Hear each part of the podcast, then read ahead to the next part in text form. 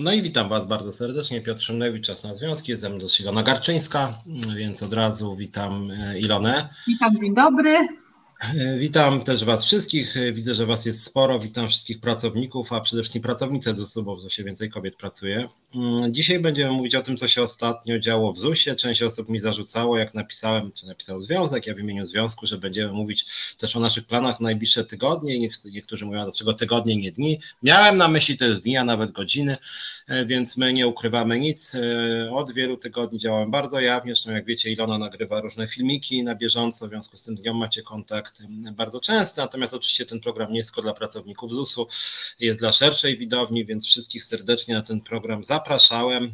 Będziemy dzisiaj mówić i starali się odpowiedzieć na wszystkie wątpliwości, będziemy starali się wytłumaczyć naszą strategię w ostatnich dniach działania, będziemy starali się pokazać, że pracodawca cały czas działa w sposób nielegalny, w sposób bardzo brutalny, w sposób nieuczciwy, że pracodawca Zakładu Ubezpieczeń Społecznych oszukuje pracowników, próbuje zdezawuować nasz związek.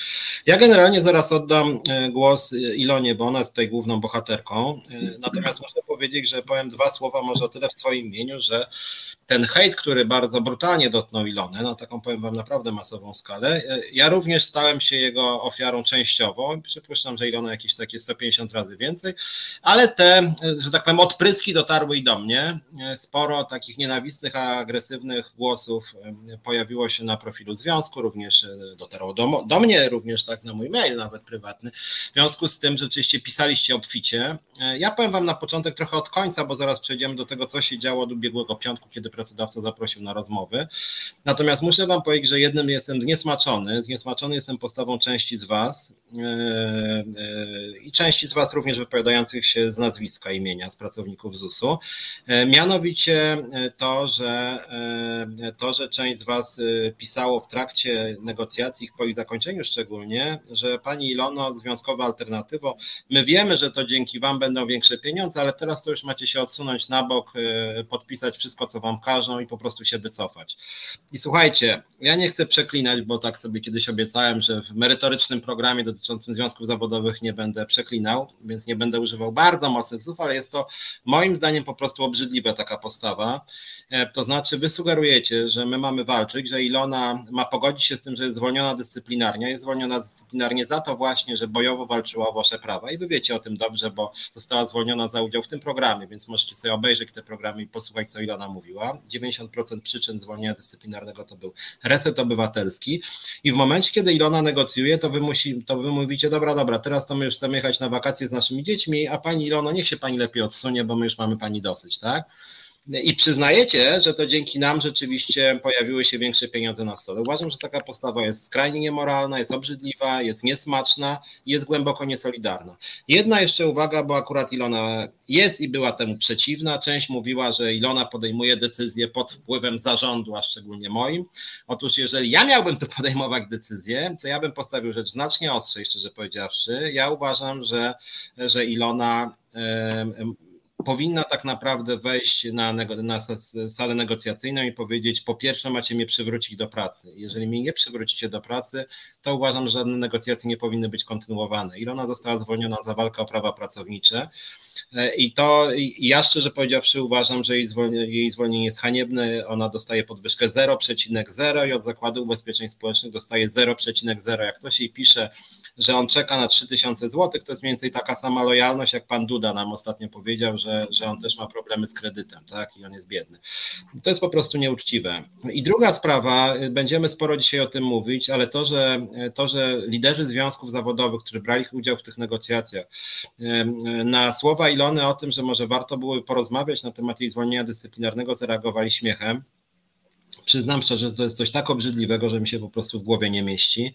Ja wielokrotnie na antenie Resetu Obywatelskiego i w innych mediach mówiłem, jak wiecie, ja nie lubię OPZZ-u i Solidarności, w ogóle uważam, że oni szkodzą y, światu związkowemu, ale w momencie, kiedy lidera Solidarności czy OPZZ-u zwalniają za działalność związkową, ja publicznie mówię, to jest skandal, to jest hańba, my będziemy tego człowieka bronić i będziemy go wspierać. To, że żaden związek zawodowy nie zająknął się odnośnie wsparcia dla Ilony i w ogóle nie padło w negocjacjach wniosek, że Ilona powinna wrócić do pracy. Moim zdaniem to jest haniebne i to jest kompromitacja wszystkich tych dziesięciu związków zawodowych. E, warto też nadmienić, o tym będę kilka razy w czasie tego programu e, powtarzał. W negocjacjach brali udział liderzy związków zawodowych, których liderzy tylko w grudniu dostali ponad 30 tysięcy złotych. Pani Beata Wójcik, swoją drogą zapraszam panią Beatę Wójcik do Resetu Obywatelskiego. Pani chce, proszę do mnie przyjść. Pani Solidarności też, proszę bardzo, ja mogę wysłać nawet pytania. Pierwsze pytanie, za co wzięliście po 30 tysięcy złotych w grudniu, bo moim zdaniem to, że tak miękko negocjowali. Teraz e, jest powiązane z odpowiedzią na pytanie, za co wzięli pieniądze w grudniu. 30 tysięcy złotych w samym grudniu, średnio, średnio. Przypuszczam, że ci liderzy wzięli po 40, więc jeżeli nas tutaj oglądają ludzie z niezależnych, czy z właśnie z tego Związku OPZZ-owskiego, czy Solidarności, przypominam wam, wasi szefowie wzięli w samym grudniu po 30 tysięcy, ponad 30 tysięcy e, złotych na łebka, więc to są właśnie te związki zawodowe, które dzisiaj szczują na nas i przyłączają się do nagonki pracodawcy, więc to moje takie początkowe expose, ale słusznie tu Piotr Strychalski mówił, dzisiaj będziemy starali się być bardzo konkretni, tutaj też wiele osób pisało, żebyśmy mówili o podstawach prawnych, ja będę mówił o tych podstawach prawnych również, natomiast zacznijmy może od piątku. I tutaj oddaję głos Ilonie, wiem, że tych głosów jest sporo, więc może z Iloną tak się mówimy, że będziemy nie cały czas, bo musimy być skoncentrowani jednym okiem, zerkać na te wasze komentarze i czasem się do nich odnosić, natomiast generalnie chcielibyśmy wyjaśnić e, przyczyny naszych działań, rekonstruować działania, opisać obecną sytuację, wyjaśnić Wam, dlaczego postępujemy tak, a nie inaczej. Więc może oddaję Ci Ilona głos i proponuję, żebyśmy robili to dosyć tak chronologicznie i punkt po punkcie. Czyli zaczynamy, jest, skończyliśmy w środę ostatnią, e, był tutaj reset, e, e, no i właśnie, w piątek nastąpiła jakaś radykalna zmiana. W środę zapowiedzieliśmy referendum strajkowe, o którym też będziemy mówić w tym programie. No właśnie, w środę zapowiedzieliśmy referendum, więc może teraz mów, co się zaczęło dziać. Rozumiem, że środa i czwartek jeszcze były względnie spokojny, ale w piątek stało się coś ważnego, w związku z tym oddaję Ci głos. E, to znaczy, ja na początek jeszcze chciałabym powiedzieć, żebyśmy pomijali e, komentarze tutaj podpisz, podpisz, bo ja tego nie podpiszę. W takiej formie, jak to jest, absolutnie tego nie podpiszę. I jeżeli ktoś przyszedł sobie pokomentować, żeby mnie namówić do tego, żeby to podpisać, to ja od razu zaznaczam, że mój podpis tam się nie znajdzie. Nie znajdzie się na tym dokumencie, ale dlaczego to o tym zaraz. Hmm, zatem w piątek po godzinie 14 dostaliśmy zaproszenie do Warszawy. Y, negocjacje miały się zacząć na godzinę 11. Mm, także już nie będę tutaj y, mówić, że kilkukrotnie dzwoniłam do, do, do, do, tam do, mm, do Zakładu Ubezpieczeń, żeby się dowiedzieć no, paru rzeczy takich no, logistycznych dla mnie ważnych. W każdym razie w piątek, w niedzielę stawiłam się na 11 na spotkanie. Były wszystkie związki, był oczywiście pracodawca. Przez pierwszą godzinę leciała tempa propaganda, czyli na zasadzie, to są cytaty. E, żebyśmy mogli wejść z pompą w nowy tydzień. Jeszcze nie widziałam tak walczącej pani prezes. Pani profesor poszła w bank. Boje pani prezes zostały docenione. Pani prezes była na barykadzie, walczyła jak generał. E, po tej propagandzie mm, mogliśmy się e, gdzieś tam luźno wypowiedzieć, więc generalnie wyraźnie zaznaczyłam, że to nie są boje pani prezes, to nie jest generał pani prezes, tylko to jest obawa przed realnym strajkiem, bo na poniedziałek mieliśmy zapowiedziany początek referendum, a to, że te pieniądze się znalazły dla nas, to nie są boje pani prezes, bo gdyby pani prezes chciała o nas walczyć, to pani prezes o te pieniądze walczyłaby w dniu, w którym podpisuje, mm, e, podpisuje zwiększenie zadań dla nas. Tak samo jak będzie kolejne zadanie do nas dochodzi, e, kontrola Ukraińców i za chwilę zdrowotne z e, powiatowych urzędów pracy. Także wtedy zobaczymy, jak pani prezes bojowo walczy. Także re, dla mnie realnym, realnym to, co zadziałało się i to co, to, co się zadziało i to, co miało wpływ na znalezienie tych pieniędzy, to była tylko i wyłącznie determinacja wszystkich pracowników do tego, żeby wziąć udział w referendum i zastrajkować. No i zaczęły się negocjacje. Po godzinie 12 przed 13 dowiedzieliśmy się już, jakie to są konkretnie kwoty, czyli tam 900 zł brutto średnio na etat, 1150 mm, na, e, dla informatyków, dla y, inspektorów kontroli dodatkowe 500 zł. Y, także te kwoty już będę pomijać. Związki zawodowe zostawia, zostały zostawione przez pracodawcę, także pracodawca opuścił salę i zaczęły się negocjacje. W pierwszej chwili postanowiłam, że uważam, że dla mnie obligatoryjnie każdy powinien dostać 900 zł. Trzeba spojrzeć na to globalnie. Ja rozumiem, że nie wszyscy może równo pracują, to też zostało, co też wybrzmiało z innych związków zawodowych, że nie wszystkim leniom się należy. Uległam. 800 na 100. Było, związki były podzielone. Część była na 650 na 250, część na 700 na 200. Ja pozostawałam na początku na 7, 800 e, na 100. Po jakimś czasie, po uzgodnieniu ze swoimi członkami, bo tak, uzgadniałam ze swoimi członkami, bo uważam, że jako przewodnicząca związków zawodowych jestem y, zobowiązana dyskutować ze swoimi członkami na temat tego, jak, na jaką kwotę się zgadzają, tym bardziej, że miałam legitymizację na nie mniej niż tysiąc. Przypominam Wam wszystkim, wszyscy głosowaliście w ankiecie, nie mniej niż tysiąc, nie schodź nawet złotówki. Bez Waszej wiedzy zgodziłam się ostatecznie na 700 na 200. Nie będę Wam teraz mówić, co mówiły inne związki, bo ponoć jest nagranie, ponoć jeden ze związków na naszej grupie y, y, y, pokazała mam skina, ponoć jeden ze związków nagrywał całe spotkanie, więc niech teraz ten związek przedstawi swoim członkom, co mówił o pracownikach, co wybrzmiewało najbardziej, jak to wszystko przebiegało. Proszę bardzo, udostępnijcie to nagranie, ja się nie mam czego wstydzić. Mam nadzieję, że będziecie mieli na tyle jaj, żeby to nagranie udostępnić. A jeżeli boicie się, to wyślijcie je mi, ja to zrobię. I wtedy sobie zobaczymy wszystko po kolei, co kto mówił, w jaki sposób się o pracownikach wyrażano, jak nas atakowano, jak atakowano dziewczyny personalnie, jak mówiono, że to my jesteśmy betonem. Ale już pomijając to wszystko. Przyszedł pracodawca i powiedział, że on się zgadza na maksymalnie 500 na 400, czyli 500 obligo 400 e, uznaniowo. No i nagle wszystkie związki zeszły. Wszystkie związki zeszły, już nikt nie chciał walczyć, przecież późno, już jedźmy do domu, która to godzina, jak się dzisiaj nie dogadamy, to idźmy do domu. Mi to pasowało. Negocjacje były zaplanowane na trzy dni. Ja mogłam wyjść stamtąd w, w niedzielę wieczorem, wrócić do negocjacji, ale do negocjacji. Nie do zmuszania mnie do podpisywania czegoś, tylko do negocjacji mogłam wrócić w poniedziałek i wtorek. Tak się wszyscy spieszyli do domu, że o 19.30, kiedy w końcu wrócił pracodawca, yy, zeźlony na to, że wypłynęły informacje o, o, o tych kwotach, pani Drost po prostu wściekła, mówiła o szmacie, którą żeśmy podpisywali, też będzie pewnie na nagraniu, które tamten związek ma, prawdopodobnie, bo nie mówię, że tak jest. Taką informację dostałam, więc się z wami z nią dzielę. Jeżeli tak jest, proszę udostępnijcie to nagranie, nie ma się czego wstydzić. Koniec końców zgodzono się, yy, wszystkie związki zgodziły się na 600, na 300. Ja absolutnie nie wyraziłam na to zgody, po czym strona pracodawcy około 19, 19.30 czy 45, już jakoś tak krótko przed 20, powiedziała, że oni w takim razie podpisują porozumienie z dziesięcioma zakładowymi organizacjami związkowymi, a my skoro mamy inne zdanie, no to ich to nie interesuje. E, zapowiedziano, że na 20.30 było zaplanowane spotkanie zarządu, czyli już od początku wiedziano, że to porozumienie musi być podpisane w niedzielę. Dlatego tak na nas naciskano. A o technikach za chwilę też Wam powiem, co robiono.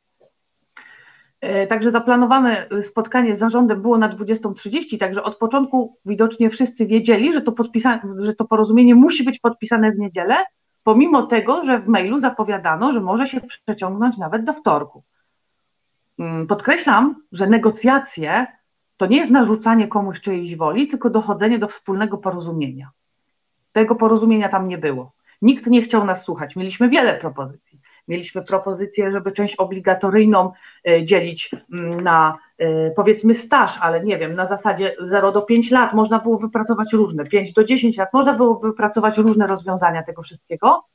E, można było to porozumienie zupełnie inaczej zapisać, ale nie chciano nas słuchać. My byliśmy dla nich betonem, mnie wyciągnięto i w momencie, kiedy mnie wyciągnięto stali pod, pod płaszczykiem takiej luźnej rozmowy, fajnej, weź ona to podpisz, pracodawca więcej nie ma, on nie da tego, odpisz to, no daj spokój, ja ci coś powiem w tajemnicy, ja cię tym sprawdzę, czy mogę ci zaufać. To było na zasadzie takiej, mm, którą, na którą mm, Piotrek już mnie kiedyś uczulał, kiedy miałam jechać na poprzednie spotkanie. Czyli to są takie techniki manipulacyjne, że ktoś jest dla mnie miły, e, uprzejmy, grzeczny. E, no ja na szczęście jestem na takie, na takie rzeczy odporna, także pozostałam przy swoim, ale w momencie, kiedy mnie wyciągnięto z tej sali, zaczęła się nagonka personalna na dziewczyny. E, żałuję, że dałam się wyciągnąć z tej sali i żałuję, że nie zostałam z tymi dziewczynami i pluję sobie w brodę tylko i wyłącznie za to do dzisiaj, że zostawiłam je na tej sali sam. Bo nie powinnam tego robić, ale nie przyszło mi do głowy, że można zrobić w ten sposób, że wyciągając mnie z sali, zaraz reszta zacznie atakować je. Tylko przypominam Państwu, że nawet gdybyście je zmusili do tego podpisu, to bez mojego podpisu ten dokument dalej jest nieważny. E, I co teraz? E, teraz sprawa wygląda tak, że skoro w niedzielę dowiedziałam się, że pracodawca podpisuje porozumienie e, z dziesięcioma organizacjami, czyli nie jesteśmy mu potrzebni, po prostu żeśmy wyszły z dziewczynami z tej sali. Była jeszcze wczesna godzina, ja do domu miałam około 4-5 godzin, wsiadłam w samochód pojechałam do domu. Nie widziałam sensu zostawać tam, skoro negocjacje zostały zakończone przed godziną 20 pracodawca postanowił. Było spotkanie zarządu, podejrzewam, że może trwało z godzinę, półtorej, e, później e, ustalanie treści, mm, ustalanie treści porozumienia i składanie podpisów. Jeżeli ja miałam tam siedzieć do godziny, nie wiem, 22, bo podejrzewam, że tak skończono, nie wcześniej, i, i, i od 22 do 22 siedzieć, patrzeć, jak przybijają pieczątki i podpisują się na czymś, co nawet y, nie ma nic nowego w tym, co było w innych latach, bo to nie ma nic nowego, tam nie ma żadnych konkretów, tam y, y, dalej pozostaje taka sytuacja, że 60% z Was może nie dostać podwyżki uznaniowej. I jeżeli ja miałam się patrzeć, jak oni to podpisują, no to nie.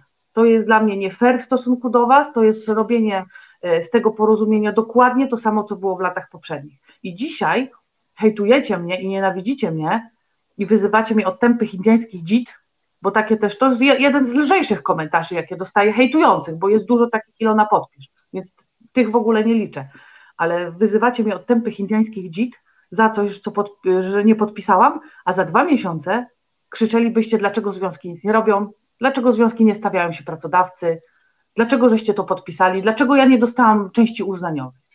Zaraz sobie przeczytamy to porozumienie, i zwrócę Wam uwagę na parę szczegółów, bo być może Wy czytając tego porozumienia, Wy żeście tego nie widzieli, bo wydaje mi się, że Wy macie w tym momencie klapki na oczach i widzicie tylko 900 zł. Wow, 900 zł. Ale Wy tych 900 zł nie dostaniecie. Powiększy to tylko kominy płacowe. A i jeszcze jedno, właśnie, a propos kominów płacowych, bo tutaj pojawia się argument, że kwota, którą ja proponuję, 800 zł obligatoryjnie y, na 100 uznaniowo, czy też 700 na 200, nie zasypuje tych kominów. Oczywiście, że nie zasypuje, ale od zasypywania kominów nie są związki zawodowe.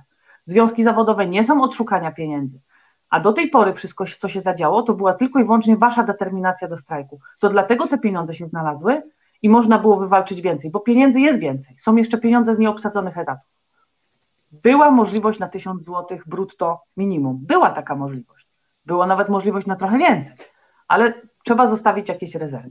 Także Hmm, zastanówcie się czasami, co robicie, bo wielu z Was prosiłam, przeczytajcie to porozumienie, przeczytajcie, co tam jest napisane. Wy nie chcecie tego widzieć. Wy żeście zobaczyli maila od pani e, Drost, która mnie szkaluje w tym mailu, już z imienia i nazwiska, bo widzę, że pani Drost puściły hamulce. Hmm, e, I działanie pracodawcy to jest w tym momencie działanie, które zmusza związek zawodowy do określonych działań. Pracodawca nie ma do tego prawa, a to się właśnie dzieje. E, została wysłana do Was ankieta na zasadzie, czy jak dostaniesz 3600 zł brutto w lipcu wyrównania, to zgodzisz się na rozstrzelanie Garczyńskiej. I co zrobiło 90% obecnych w pracy? Rozstrzelajmy Garczyńską. Wpłynie nam 2400 na rękę. I co dalej? Co we wrześniu? Wy się nad tym nie zastanawiacie, wy widzicie tylko kwotę, oszaleliście na, na takiej zasadzie, że to są historyczne podwyżki. Ja wiem, czy to są historyczne podwyżki, a inflacja jaka jest? Normalna? Inflacja też jest historyczna. Zobaczycie, jak wam zaraz wzrosną raty kredytów, ile będziecie płacić za benzynę, ale wtedy już nikt za wami nie stanie. I nikt nie będzie walczył o podwyżki. Grozicie mi teraz tym, że nie będziecie brali udziału w referendum. Nie bierzcie. Zobaczymy we wrześniu. Będziecie krzyczeć, gdzie są związki zawodowe, dlaczego związki nic nie robią. Ale jak związki chcą coś zrobić, jak związki stawiają się pracodawcy, to wylewacie na nie wiadro pomyj, gówna i hejtu, tylko dlatego, żeby mnie zmusić do tego podpisania. Czytał ktoś paragraf trzeci, punkt drugi? Zapoznał się ktoś z tym? Zapoznał się z punktem trzecim, czwartym? Zapoznaliście się z tym? Bo jak dla mnie, to przeczytaliście tylko tyle, że to jest kwota 600 obligatoryjnie i 300 na e, uznaniowo. I możecie się teraz na mnie obrazić wszyscy. Ja tego nie podpiszę, bo to jest nie fair w stosunku do Was i w momencie, kiedy 60% z Was może nie dostać części uznaniowej, mojego podpisu tam nie będzie. Albo zwiększamy kwotę, albo zmieniamy treść porozumienia. Tak, żeby dało gwarancję, że przynajmniej 90% z Was dostanie część uznaniową. Wtedy mogę o tym pomyśleć. Zaraz sobie z Piotrem wrócimy do, yy, do treści porozumienia. Powiem Wam, co tam jest zagrożeniem, bo widzę, że Piotr pewnie chce coś powiedzieć. Tak, ja Ci zaraz oddam głos, to Ty jesteś tutaj główną bohaterką oczywiście dzisiaj, natomiast ja chciałem tylko takie dwa, dwie czy trzy rzeczy gwoli yy, komentarza tego, co powiedziałaś. Słuchajcie, Jedna rzecz, bo ja brałem udział w wielu negocjacjach, przypominam sytuację w ZUS-ie, która, w locie, która była bardzo podobna i identyczne argumenty. Proszę pani Żelazik podpisać, bo inaczej już nic nie dostaniecie. Proszę natychmiast się wycofać, bo działa pani na szkodę pracowników. I w końcu nie podpisaliśmy nic, i, i pracownicy dostali w locie podwyżki po 1000 zł brutto, kiedy inflacja wynosiła wokół zera, bodaj 3% wtedy wynosiła inflacja i podwyżki przeszły 1000 zł na stewardesę. Ale co wam chciałem powiedzieć? Chciałem wam powiedzieć, że naprawdę jestem zdumiony, przepraszam bardzo, nie chcę użyć za mocnego słowa, ale naiwnością by nie powiedzieć głupotą części z was. Kiedy pracodawca wam wysyła komunikat typu jeżeli związkowa alternatywa dzisiaj nie podpisze papierka, to już nie będzie tych pieniędzy w zasadzie nigdy. Wy naprawdę w to wierzycie? Serio? To poproszę pod tak zwaną podstawę prawną, bo my będziemy mówić o podstawach prawnych zaraz naszych działań.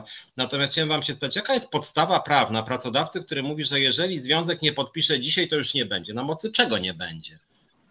Zakład Ubezpieczeń Społecznych wypłaca e, pieniądze kilkunastu milionom emerytów i rencistów co miesiąc. Zakład Ubezpieczeń Społecznych wypłaca pieniądze ponad 7 milionom e, e, rodzin w ramach programu Rodzina 500. Zakład Ubezpieczeń Społecznych wypłaca świadczenie 300. Zakład Ubezpieczeń Społecznych chwali się w swoich publicznych wystąpieniach, że wypłatą tych świadczeń zajmują się tak zwane automaty.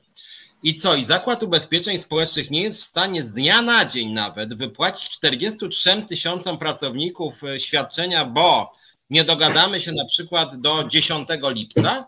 A cóż takiego się stanie, jak będziemy negocjować dalej? W związku z tym, jeżeli pracodawca powiedział w poniedziałek rano, bo ja śledziłem te komunikaty, w poniedziałek rano e, zaczęliśmy już słyszeć, że jeżeli my nie podpiszemy, to w ogóle już, to już w ogóle nic nie będzie, już nie będzie żadnych pieniędzy w ogóle. I ja wtedy wam mówię, słuchajcie, Pan Morawiecki, bo to są pieniądze budżetowe, pan Morawiecki postanowił, że przeleje pieniądze do ZUS-u co najmniej 900 zł, co najmniej 900 zł. Pani Uścińska dostała prikaz. Słuchajcie, proszę uspokoić pani Gertrudo sytuację wśród pracowników ZUS-u, bo widzimy groźbę strajku. Taki dostała prikaz rządu. Proszę ich uspokoić możliwie tanio. Taki był przekaz. Uścińska dzwoni o 20 i mówi: Panie premierze, zadanie wykonane, ale jeden związek pyskuje no to prikaz z rządu idzie, to proszę zniszczyć ten związek i uspokoić sytuację. I to zrobiła pani Uścińska kilka godzin później, razem z panią Musiał i Dros, mianowicie wysłały wprost do pracowników przekaz, proszę zniszczyć panią, e, panią Ilonę Garczyńską, informujemy, wysyłajcie maile, naciskajcie. To są w ogóle działania bezprawne, bo to jest ingerencja w funkcjonowanie niezależnych związków zawodowych, jeden z pierwszych artykułów ustawy o związków zawodowych. E, będziemy rozważać tutaj konsekwencje prawne wobec pani Dros i Zakładu Ubezpieczeń Społecznych, bo to jest ingerencja w wolne związki zawodowe bardzo brutalna i chamska i przy okazji jest to przejaw mobbingu. Natomiast chciałem powiedzieć, że poniedziałek czy wtorek, dzisiaj to jest etap negocjacji, my cały czas negocjujemy. My negocjujemy, z naszej strony rozmowy nie zostały zakończone. I co wy uważacie, że, że, że co, że jak pracodawca rzuci 600 zł i powie, ja chcę 600, a my mówimy nie, negocjujemy dalej. I co w związku z tym? Jak będziemy cztery dni później negocjować, przeczytałem, że pracodawca powiedział, że te uzupełnienia wypłaci, jeśli dobrze pamiętam, do 26 lipca. Które my dzisiaj mamy? A jeżeli się dogadamy. Tak, 22. To jest wystarczająco czas. Jeżeli się dogadamy 15, to co? To w tydzień ZUS nie będzie w stanie wypłacić wam pieniędzy? Dlaczego mamy się dogadać akurat w niedzielę wieczorem? Bo co? Bo tak chcę, nie wiem. Bo, bo, bo, bo, bo takie jest polecenie do do, do liderów OPZZ-u Solidarności do niezależnych, że oni mają się zgodzić, bo inaczej co, bo inaczej e, pani Beata Wójcik nie dostanie następnym razem 30 tysięcy, tylko 15? No my niestety nie jesteśmy sprzedani pracodawcy, nie jesteśmy skorumpowani, my nie będziemy działać tak nam pracodawca zagra. Miały być rozmowy, były rozmowy, rozwiązania dla nas były niesatysfakcjonujące, w związku z tym rozmowy trwają dalej, to jest naturalne w każdej firmie. Jeżeli rzeczywiście pracodawca, tak swoją drogą, pan Żebrowski publicznie powiedział, że będzie starał się nas przekonać do swoich, e, do swoich e, argumentów. I ja nie wiem, gdzie jest pan Żebrowski, szczerze powiedziawszy, bo wręcz w komunikacie papowskim pojawiło się, że, że Zakład Ubezpieczeń Społecznych będzie przekonywał związkową alternatywę. Ja to przeczytałem, to poszło wszędzie praktycznie. Otóż informuję was, że nikt nas do niczego nie przekonywał, a co więcej obecna tu Ilona Garczyńska zapraszała związki zawodowe do dalszych negocjacji celem wypracowania bardziej sprawiedliwych rozwiązań. Na przykład stuwa więcej na osobę i co, nie chcielibyście stówy więcej, to co, macie tak dużo pieniędzy, e, że, że, że 100 więcej brutto miesięcznie was nie interesuje? Serio? Tacy jesteście bogaci? A można by było, można by było, tylko trzeba tu, tu konsekwencji i, i, i, trzeba umieć negocjować po prostu. Y, to jest jedna moja uwaga. Druga moja uwaga, widzę, że tu jest bardzo dużo szczególnie anonimowych głosów bez nazwisk, y, mianowicie takich, że macie podpisać i to ciągle macie podpisać, zabieracie ludziom pieniądze. Zaraz powiemy o tym, że pracodawca kłamie, jeżeli ktoś wam odbiera pieniądze, to pracodawca. Natomiast chciałem jeszcze drugą rzecz powiedzieć. Szanujcie się. Szanujcie się, oczywiście każdy z Was ma prawo żądać nawet 100 zł podwyżki i padać na kolana przed pracodawcą, jak podwyższy na przykład o 300. Natomiast jak mówię szanujcie się, to mam na myśli, trzeba być konsekwentnym. W momencie, kiedy ja, ja, ja, ja widzę forum pracowników ZUS-u i często o nim z Iloną rozmawiam i Ilona również stara się, stara się wykonywać, że tak powiem, polecenia, czy respektować decyzje swoich członków. W momencie, kiedy, w momencie, kiedy jest sonda, na serio. Ilona pisze, pamiętajcie, napiszcie na serio, co uważacie. Ja widziałem wyniki tych sąd. Na serio napiszcie, nie to, co się wam wydaje, tylko na serio, bo ja was na serio będę reprezentować. I pojawia się na serio, że 80% pracowników, o ile pamiętam, wyszło 70 chyba 7, 77% pracowników chce, żeby negocjacje zaczęły się od tysiąca w górę, to by oznaczało, że zgodnie z waszą decyzją tak naprawdę Ilona powinna wyjść z sali po godzinie i mówić nie ma tysiąca, żegnam. A wy teraz naciskacie, żeby podpisywała 600? To ja mówię, szanujcie się, naprawdę, czy wy w ogóle wiecie, czego wy chcecie? Jeżeli najpierw naciskacie, że ma, ty, jak nie ma tysiąca, to wychodzi z sali, a później nagle się okazuje, że ma podpisywać 600. Druga sonda też widziałem. Druga sonda też widziałem i przepraszam panie na przykład Kolanowski, garstka osób zablokowała. Przez, przestańcie ludzie gadać głupoty, pracodawca wypłaca pieniądze, o tym zaraz będziemy mówić. Ale później również były sądy, e, za jakim jesteś podziałem środków. I dzisiaj widziałem też, w której brał udział kilka tysięcy ludzi. Dużo, dużo, nie tylko nasi członkowie, ze wszystkich związków. Co chcesz? 900 na 0, 800 na 100, 700 na 200, 600 na 300. Według ostatnich e, waszych głosów, waszych pracowników ZUS-u wszystkich związków niezrzeszonych, z tego co pamiętam, 60 chyba 8% chciało 900 do 0. Nie 800 na 100, 900 do 0. 800 na 100 chciało 20 chyba 2%, pozostałe opcje to było między 3 i 5%. 0, 3, 5. Czyli krótko mówiąc, sami piszecie, dając mandat wszystkim liderom, nie tylko Ilonie, wszystkim liderom, że mają się bić po pierwsze o ponad 1000, a po drugie, jeżeli już jest już jest na stole e, do wyboru 800, 700 i 600, to my mamy wybrać 800. Jeżeli związki wszystkie wybierają 600, a Ilona mówi sorry, ale to już jest lekka przesada, to później 10 tysięcy mówi skandal, złodziejka, dlaczego nie podpisała 600? Ludzie, no, Szanujcie się naprawdę. Czego wy chcecie? To po co wybierzecie udział w tych sądach? To są jakieś żarty z waszej strony? Ilona was realnie reprezentuje i słucha waszych głosów. Jak piszecie 800, bo inaczej to się na panią wkurzymy, no to, to dlaczego się wkurzacie, jak nie podpisuje 600? Ja tego kompletnie nie rozumiem. Naprawdę nauczmy się szanować. Widzę, że coraz więcej jest tutaj jakichś fejkowych kont, jakichś na przykład Harry Potterów, tak, ludzie, nauczcie się naprawdę, jak już dyskutujecie z nami, to przynajmniej z imienia i nazwiska. Tu jest imię i nazwisko Ilona Garczyńska, moje imię Piotr, nazwisko Szumlewicz, więc może z nazwiska rozmawiajmy, bo, bo widzę, że tu jest trochę jakichś troli, troli rządowych nasze nazwiska są tutaj pod naszymi twarzami, e, więc tak bym proponował jednak rozmawiać, bo też dostałem sporo jakichś takich sygnałów, na przykład na Twitterze. Wczoraj się pojawiły konta, które teraz nas szkalują. No to są takie zagrywki w stylu Dworczyka niejakiego. Na nas to szczerze powiedziawszy nie robi żadnego wrażenia. W związku z tym podsumowując ten mój głos i zaraz oddaję e, Ilonie już głos też, e, szanujcie się, dlatego że my, w przeciwieństwie do pani, pani Beaty Wójcik, nie boimy się, nie wstydzimy się i pytamy, czego wy chcecie. Przekaz wśród was był taki, że ma być co najmniej tysiąc po pierwsze, a po drugie, jeżeli już ma być 900, to ostatecznie 800 700 to już no nie, no strasznie, no nie, a 600 no to już w ogóle uniesiony środkowy palec do góry. W momencie, kiedy Ilona przy 600 unosi środkowy palec do góry, to zasypujecie ją wręcz nienawistnymi komentarzami pod tytułem jak pani mogła, jak pani śmiała, co za bzdury. Przepraszam was bardzo, ale, ale powtarzam po raz trzeci, szanujcie się, naprawdę. I wracam do tego, co powiedziałem. To, że pracodawca dzisiaj mówi, to jest koniec negocjacji, to my mówimy, bo co? Bo niby co? Który to mówi punkt y, ustawy o związkach zawodowych czy kodeksu e, pracy, że jak pracodawca powie koniec, to koniec? Bo co? Bo niby, bo niby dlaczego? Myśmy negocjacji nie skończyli, czekamy w takim razie. To proszę pracodawcę, jak tak mu się spieszy, e, to niech wróci do tych negocjacji.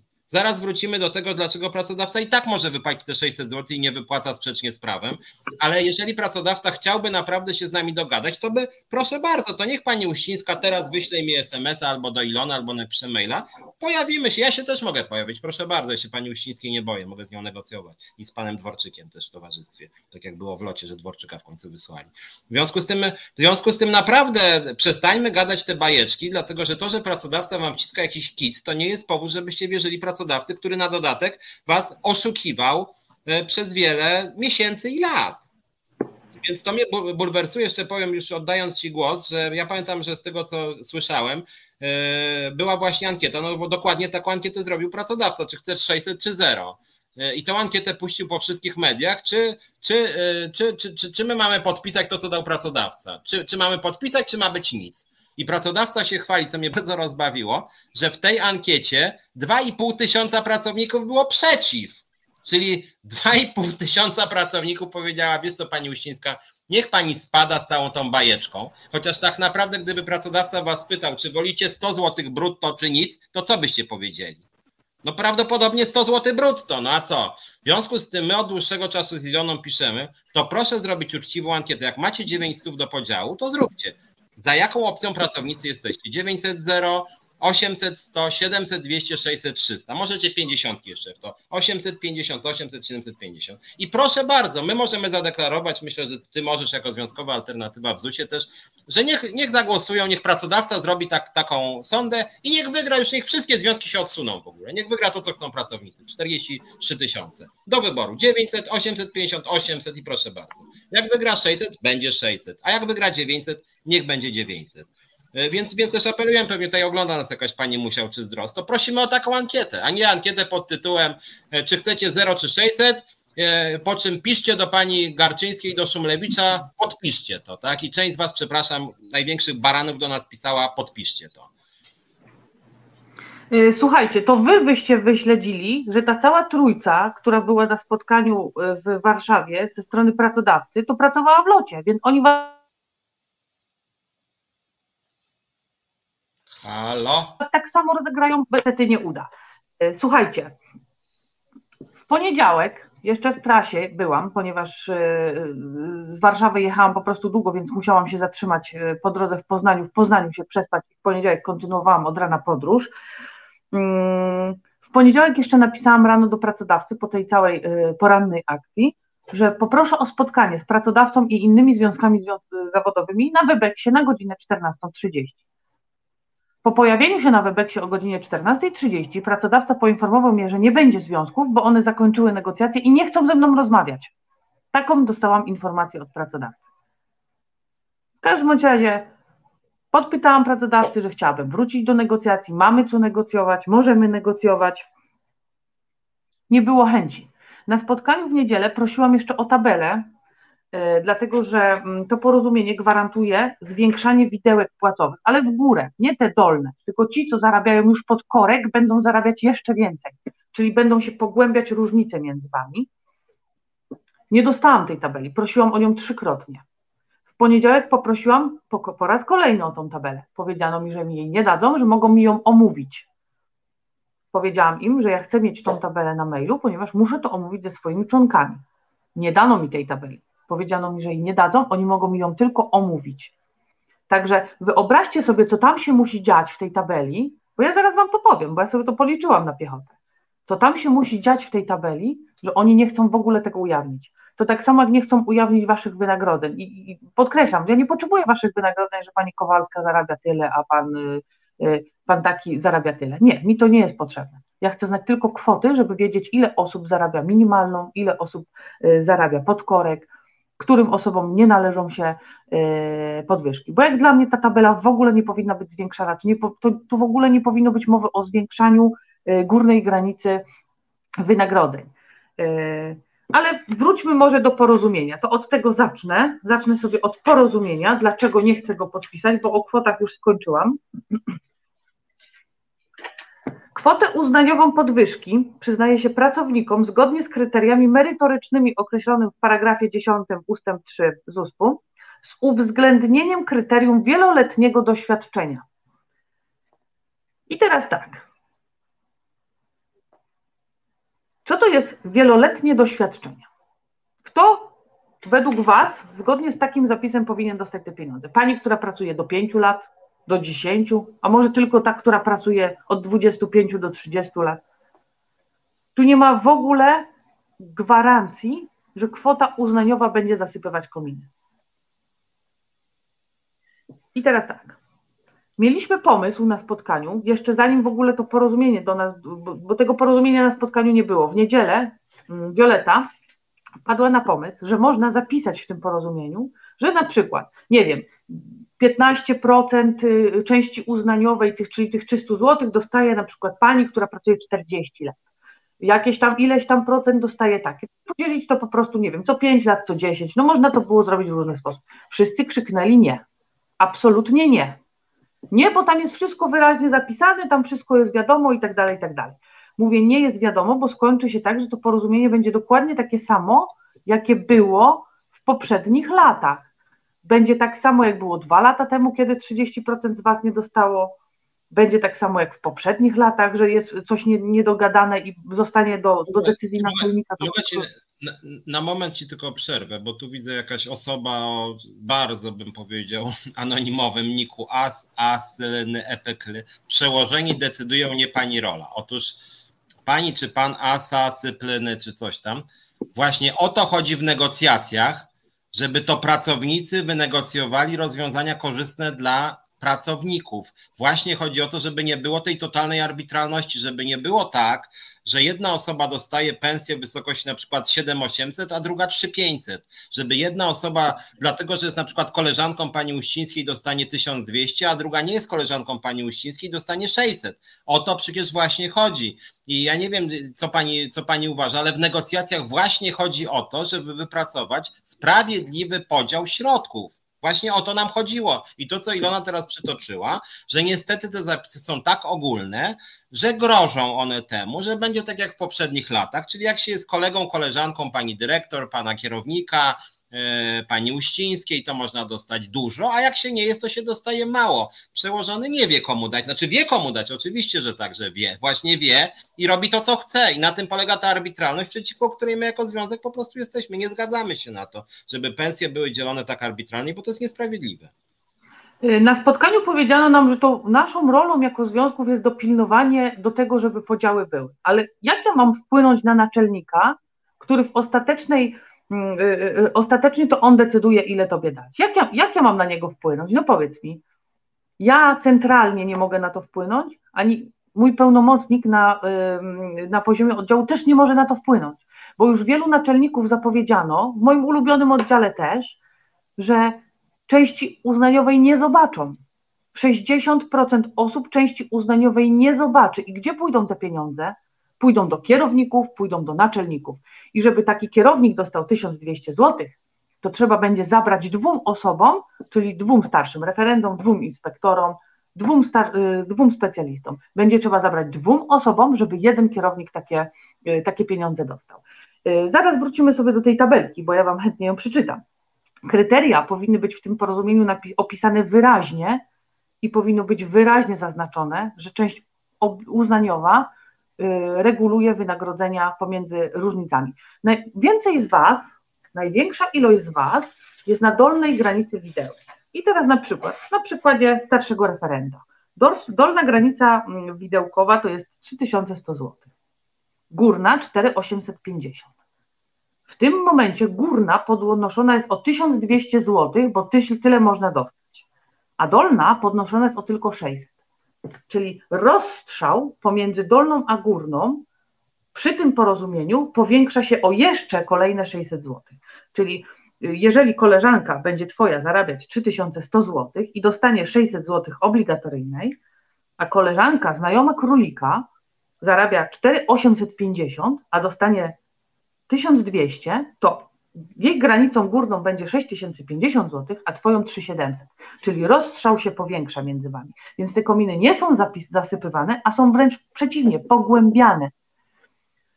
Na spotkaniu powiedziałam wyraźnie, zgodnie z polskim prawem, jak i europejskim, osoba zarabiająca na takim samym stanowisku, bądź też wykonująca taką samą pracę, powinna zarabiać tyle samo. Od nagradzania za pracę macie premie, tak bardzo wywalczone przez związki zawodowe. Było stażowe. Przypomnieć, które związki zlikwidowały wam stażowe? Od tego są właśnie y, i stażowe, i premie.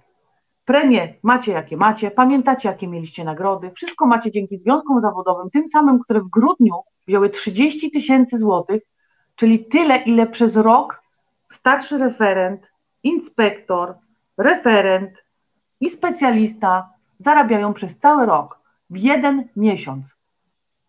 I wy mówicie, że garstka ludzi ze, ze związkowej alternatywy decyduje o 43 tysiącach złotych, a kiedy dosłownie 5 osób, nie, przepraszam, 15 tam etatów jest 15, związkowych. Tak. W grudniu było 15, tak.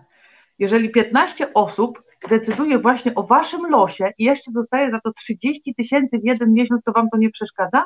Ludzie, wy się naprawdę zastanówcie, bo, bo ja nie wiem. Dalej.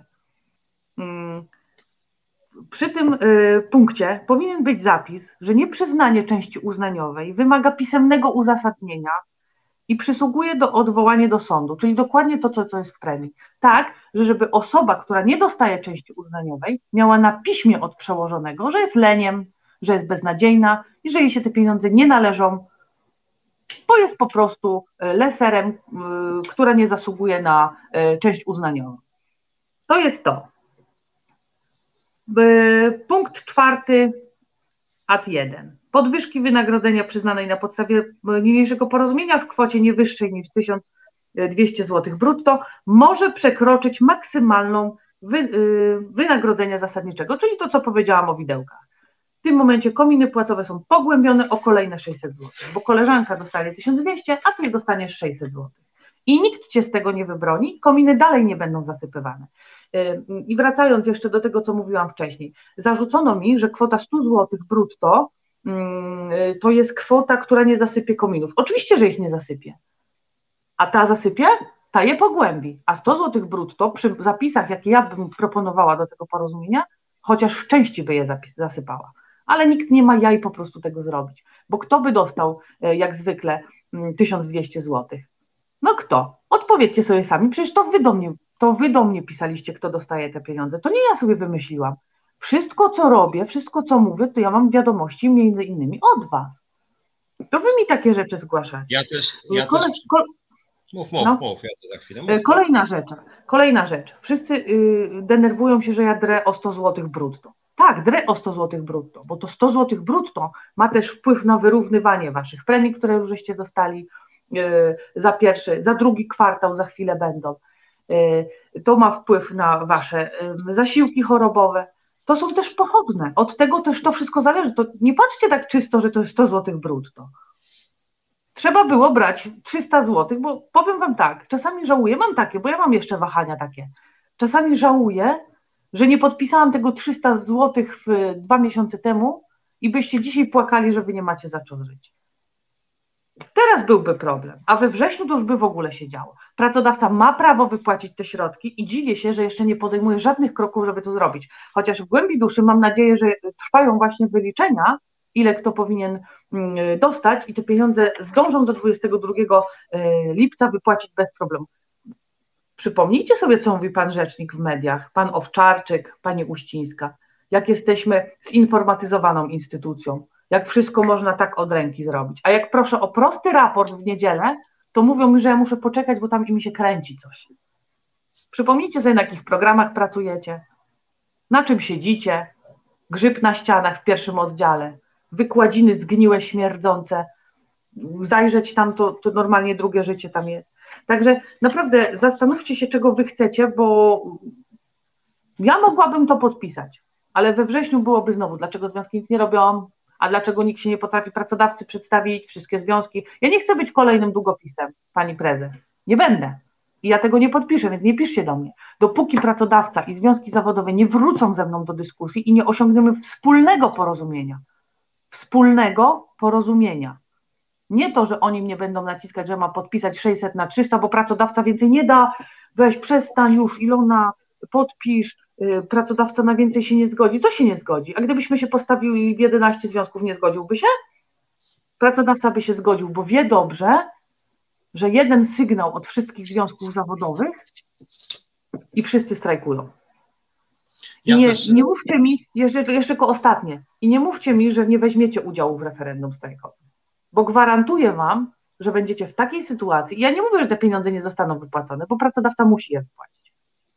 I nie pytajcie się mnie kiedy, bo nie wiem. Powinien wypłacić do 22 zgodnie z porozumieniem, które podpisał z dziesięcioma organizacjami, do którego mój podpis mu w niedzielę nie był potrzebny, bo wyraźnie zaznaczył podpisujemy porozumienie z dziesięcioma organizacjami, w związku z tym wykluczył mnie z rozmów, wyszłam ze spotkania i się tam więcej nie pojawiłam. W poniedziałek chciałam wrócić do negocjacji, we wtorek byłam gotowa wrócić do negocjacji, dzisiaj jestem gotowa wrócić do negocjacji. Dzień się jeszcze nie skończył. Ja mam czas, możemy wrócić, do 22 mamy bardzo dużo czasu. Ja tylko przypomnę, że nasz związek e, już e, kilka dobrych miesięcy temu wszedł spór zbiorowy, gdzie chcieliśmy trzy postulaty. Kluczowy to była podwyżka wynagrodzeń zasadniczych o 60%. 60%. Obecnie mamy nowy związek, prawdopodobnie za tydzień będzie tutaj gość z koło brzegu, który mniej więcej tego się domaga i o to walczy. Więc naprawdę można od takiej pieniądze walczyć jak 60%. Posłowie nawet nie walczyli i dostali. E, walczymy też w tym naszym sporze zbiorowym o stażowe e, i poruszamy kwestie e, nagród i premii. W związku z tym nasze postulaty tutaj są jasne. Natomiast chciałem, bo widzę, że część z Was czeka, jednak zgłaszacie się odnośnie tego, dlaczego my nie podpisujemy, jakie to ma konsekwencje. To jest rzecz ważna i pozwól Jona, może ja o tym powiem dwa słowa. To jeszcze bo... zanim poruszymy ten dłuższy temat, to ja tylko króciutko, ostatni króciutko, bo to chciałabym, to chciałabym chciałabym, żeby wybrzmiało jeszcze przed przerwą. Mm, wielu z Was y, twierdzi, że jeżeli, jeżeli ja tego teraz nie podpiszę, to nie dostanie wyrównania od stycznia. A dlaczego do tej pory nie było wyrównania od stycznia? Bo godziły się na to związki zawodowe. Bo związki zawodowe składały podpis pod takim porozumieniem, że nie będzie wypłacone y, wyrównanie od stycznia. Tylko i wyłącznie dlatego. To, co jest zawarte w porozumieniu, to ma być kompromis wszystkich a nie przyjdzie pracodawca i powie, podpisaliście w sierpniu, rozmowy się przeciągały, to my wam nie damy wyrównania od stycznia. No to co robią związki? Aha, no to okej, okay, to proszę dać nam długopis, piecząteczkę, ja tutaj złożę y, podpis i, i, i sobie będziemy, y, jakoś się tam wytłumaczymy, że pracodawca nie chciał, to tam już sobie damy radę, spokojnie, nie, nie wyrównujcie od stycznia, nie ma potrzeby. To wszystko, co jest porozumienie, to jest porozumienie wszystkich związków zawodowych z pracodawcą. I jeżeli związki się na to godzą, to jest tylko i wyłącznie ich wina. Więc jeżeli związki się zgodzą, że nie będzie porozumienia od stycznia, to wy tego, y, po y, wyrównaniu od stycznia, to wy tego wyrównania nie dostaniecie i podziękujcie związkom zawodowym. Ja tak myślę, bo nie wiem, czy będziemy robić przerwę, czy nie. Możemy nie to zróbmy, może, zróbmy może przerwę, bo, bo na pewno ten temat będzie długi, jeżeli chodzi o te podstawy Dobra, prawne. To, będziemy... To, to, to umówmy się tak. Y, y, część z Was nie oglądała tego programu ani razu, bo widzę, że dosyć dużo Was ogląda. Tak. Więc teraz będzie, dużo jest też pytań odnośnie naszych politycznych działań. My w politykę akurat się nie bawimy, odpowiadam wszystkim, piszemy do 460 posłów zawsze, nie jesteśmy związani z żadną partią w przeciwieństwie do Solidarności, która jak wiemy jest związana z PiSem, czy OPZZ, który jest związany z Lewicą. My z żadną partią nie współpracujemy, z żadną dokładnie, więc odpowiadam na to pytanie. Słuchajcie, natomiast wracając, y, widzę, że dosyć dużo Was ogląda. Jest taki zwyczaj w tym programie, że w środku mniej więcej robimy przerwę na piosenkę. W związku z tym tu jest ważne pytanie, co dalej. W związku z tym obiecujemy, że odpowiemy, co będziemy robić w najbliższych dniach, nie tylko tygodniach, ale też dniach, dniach i tygodniach, a przede wszystkim e, powiemy Wam odnośnie podstawy prawnej, dlaczego myśmy, e, dlaczego my nie podpisaliśmy, a mimo to pracodawca łamie prawo, nie wypłacając Wam środków. Naszym zdaniem powinien te środki wypłacić zgodnie z prawem i Pani Uścińska po raz kolejny łamie prawo. W związku z tym ja proponuję, żebyśmy teraz zrobili przerwę, ona potrwa jakieś pewnie 4 minuty, tu mówię do naszego wydawcy, bo tyle trwa piosenka, piosenka i po piosence możemy od razu przejść do kwestii, do kwestii związanej właśnie z tym, czy nasz brak podpisu sprawia, że pracodawca nie może nikomu wypłacić pieniędzy. Więc zróbmy y, może tak, więc, więc, więc zróbmy teraz krótką przerwę i za mniej więcej 4 minuty wracamy. Słuchasz Resetu Obywatelskiego. Tak patrzę, że już widzę, że wracacie do nas, że tak powiem, po krótkiej przerwie. Część z Was pewnie poszło, nie wiem, coś tam przekąsić czy napić się.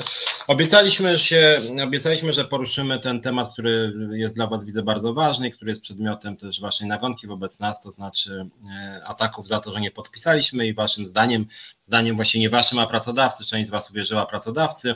Brak naszego podpisu skutkuje, że w ogóle zniknął nagle, że pan premier, że pan premier z powrotem je sobie weźmie i że w ogóle już ich nie zobaczycie i Morawiecki uśmiechnięty powie, a figa z makiem, pracownicy już nie dostaną.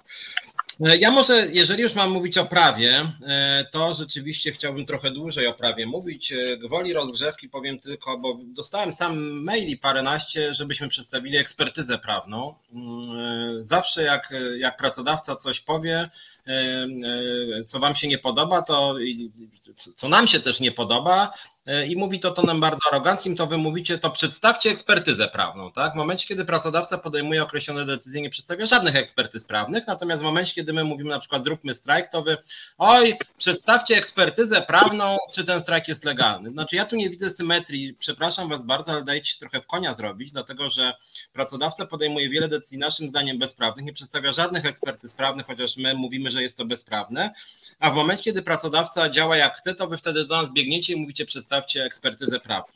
W związku z tym ja powiem e, cztery, e, cztery rzeczy, trzy wskazujące na totalny brak wiarygodności Zakładu Ubezpieczeń Społecznych pani Gertrudy Uścińskiej, a później Wam przedstawię krótką, nazwijmy to ekspertyzę prawną dotyczącą obecnej sytuacji. E, trzy krótkie punkty, dlaczego Zakład Ubezpieczeń Społecznych jest kompletnie niewiarygodny, działa bezprawnie i ma bardzo złych prawników.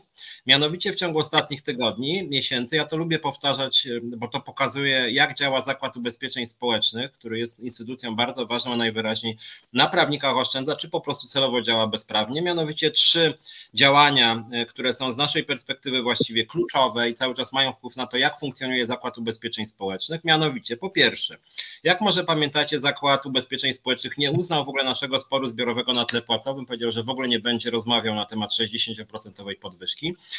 Tymczasem artykuł e, pierwszy ustawy o rozwiązywaniu sporów zbiorowych mówi, spór zbiorowy pracowników z pracodawcą lub pracodawcami może dotyczyć warunków pracy, płac lub świadczeń socjalnych oraz praw i wolności związkowych pracowników lub innych grup, którym przysługuje prawo zrzeszania się w związkach zawodowych. To jest jedyny punkt, który mówi o dopuszczalnej treści sporu zbiorowego. Spór zbiorowy, odnośnie nazwam, cytuję jeszcze raz, spór zbiorowy pracowników z pracodawcą lub pracodawcami może dotyczyć płac. Kropka. Krótko mówiąc, literalnie pracodawca łamie prawo odmawiając sporu zbiorowego na tle płacowym z nami. Literalnie żadnej ekspertyzy prawnej nie dostaliśmy. Jedyna tak zwana w cudzysłowie ekspertyza, to pani Łysińska nam napisała, że to jest za dużo. To była jej ekspertyza prawna, że to jest niewspółmiernie dużo. Koniec, kropka, nie ma żadnej podstawy prawnej. Druga sprawa. Przez wiele tygodni, jak może pamiętaliście, ZUS w ogóle nie uznawał naszego istnienia, mówił, że nasz zarząd jest nieuznawany, bo nie uznają naszego zarządu. I teraz tak, Artykuł drugi ustawy o związkach zawodowych. Cytuję: Związek zawodowy jest niezależny w swojej działalności statutowej od pracodawców. Pracodawców, od pani Uścińskiej jest niezależny. I podwójnie, bo jest też niezależny od administracji państwowej i samorządu terytorialnego oraz od innych organizacji. Czyli jesteśmy w pełni niezależni i pani Uścińska literalnie złamała brutalnie prawo. Nie było żadnej ekspertyzy prawnej na ten temat, tylko powiedzenie nie, bo nie. Jak wejdziecie zresztą na stronę ZUS-u, wczoraj wchodziłem, związkowej alternatywy tam nie było. Nie było tam. Oni cały czas na wielu poziomach nas nie uznają, czym literalnie łamią ustawę o związkach e, zawodowych. E, I jeszcze trzeci artykuł tego samego artykułu, który przed chwilą przytoczyłem. Organy państwowe, samorządu terytorialnego i pracodawcy obowiązani są traktować jednakowo wszystkie związki zawodowe. Przez dwa miesiące w ogóle nie uznawali naszego istnienia i to było to jednakowo. Wreszcie trzeci punkt kluczowy, jak chodzi o naszą tutaj obecną Ilonę Garczyńską, została zwolniona dyscyplinarnie i teraz tak, artykuł 32 ustawy o związkach zawodowych mówi, pracodawca bez zgody zarządu zakładowej organizacji związkowej nie może nie może wypowiedzieć ani rozwiązać stosunku prawnego ze wskazanym uchwałą zarządu jego członkiem lub inną osobą wykonującą pracę zarobkową, będącą członkiem danej zakładowej organizacji związkowej, upoważnioną do reprezentowania tej organizacji wobec pracodawcy albo organu lub osoby dokonującej za pracodawcę czynności w sprawach z zakresu prawa pracy. I drugi punkt, nie może pracodawca zmienić jednostronnie warunków pracy lub wynagrodzenia na niekorzyść osoby wykonującej pracę zarobkową, o której mowa w punkcie pierwszym. Krótko mówiąc, literalnie zgodnie z artykułem 32, zwolnienie dyscyplinarne obecnej tu Ilony Garczyńskiej jest totalnie niezgodne z prawem. Totalnie niezgodne z prawem. I nie ma która by mówiła, że jest inaczej. Więc to takie. To jeszcze, jeszcze tylko. Mhm. Piotrek, ja ci się potrafię, po, po, pozwolę mm, wejść jeszcze, bo nie powiedziałam jednej ważnej rzeczy y, z początku spotkania w niedzielę, że spotkanie w niedzielne nie było spotkaniem w sprawie sporu, jest oczywistym i to wiedziałam. E, jednak nauczona doświadczeniem z 30 września, kiedy tamto spotkanie też nie było spotkaniem w sprawie sporu, mm, a y, za, zapisano tam punkt, w którym jest napisane, że pieniądze z 30 września częściowo realizują spór zbiorowy, weszłam i powiedziałam, że jeżeli będzie taki zapis o tym, że te pieniądze realizują spór zbiorowy, to będziemy rozmawiać o moim przywróceniu do pracy. Wszystkie związki zaczęły się chichrać, śmiać. Um, nie, to żaden spór zbiorowy, to nie spór zbiorowy, nie będziemy teraz o tym rozmawiać. No, siadły na mnie po prostu jak stado żmii i mówię to z pełną świadomością, zachowywały się panie jak stado żmii po prostu, a mi było potrzebne to pytanie tylko i wyłącznie po to, żebyście potwierdzili, że to nie jest spotkanie w sprawie, zbioro, w sprawie sporu zbiorowego, żebyście później tego punktu, jak 30 września nie dali w porozumienie. Bo to samo zrobiliście 30 września. Nie było e, spotkaniem w sprawie sporu zbiorowego, zapisaliście ten punkt, a, a, teraz krzyczeliście, że nie wszystkie związki są w sporze zbiorowym i tego punktu nie będzie. Ale 30 września też nie wszystkie związki były w sporze zbiorowym i ten punkt żeście zgodzili się wpisać. Także e, bardzo proszę, nie przekazywanie fałszywych informacji, jakoby e, ja, jakobym ja żądała swojego powrotu do pracy, bo nie żądałam. To było zamierzone moje działanie, właśnie po to, żeby tego punktu nie było. I nie przekazujcie błędnych informacji, że nazwałam pracowników stadem baranów, bo nie nazwałam pracowników stadem baranów, tylko powiedziałam, że wy traktujecie pracowników jak stado baranów.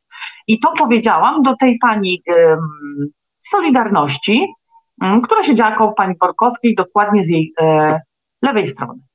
Do tej pani to powiedziałam. Ja pamiętam, ja mam bardzo doskonałą pamięć o tym, co się działo notuję sobie pewne fakty, a jeżeli już chcecie tak przekazywać takie informacje, co się działo na spotkaniu, to udostępnijcie to nagranie, które, żeście, y, które twierdzicie, że macie, które prawdopodobnie jest, bo nie wiem, czy jest. Ja dostałam taką informację, że takie nagranie jest. Udostępnijcie całość. O, szczególnie o leniach, leserach i o tym, że y, nie wszystkim się należy część uznaniowa. Bardzo chętnie posłucham. Bardzo chętnie. Y, dobra, wracamy do tak, wracamy ważniejszych do tego clue, które, na które czekacie. Ja przywołałem te trzy punkty, żeby pokazać na wiarygodność, jak chodzi o orzeczenia prawnicze i chciałem Was uwrażliwić trochę na jedną rzecz. W momencie, kiedy pracodawca podejmuje autorytarnie pewne decyzje, to wy mówicie, o jest, a jak to jest, tak?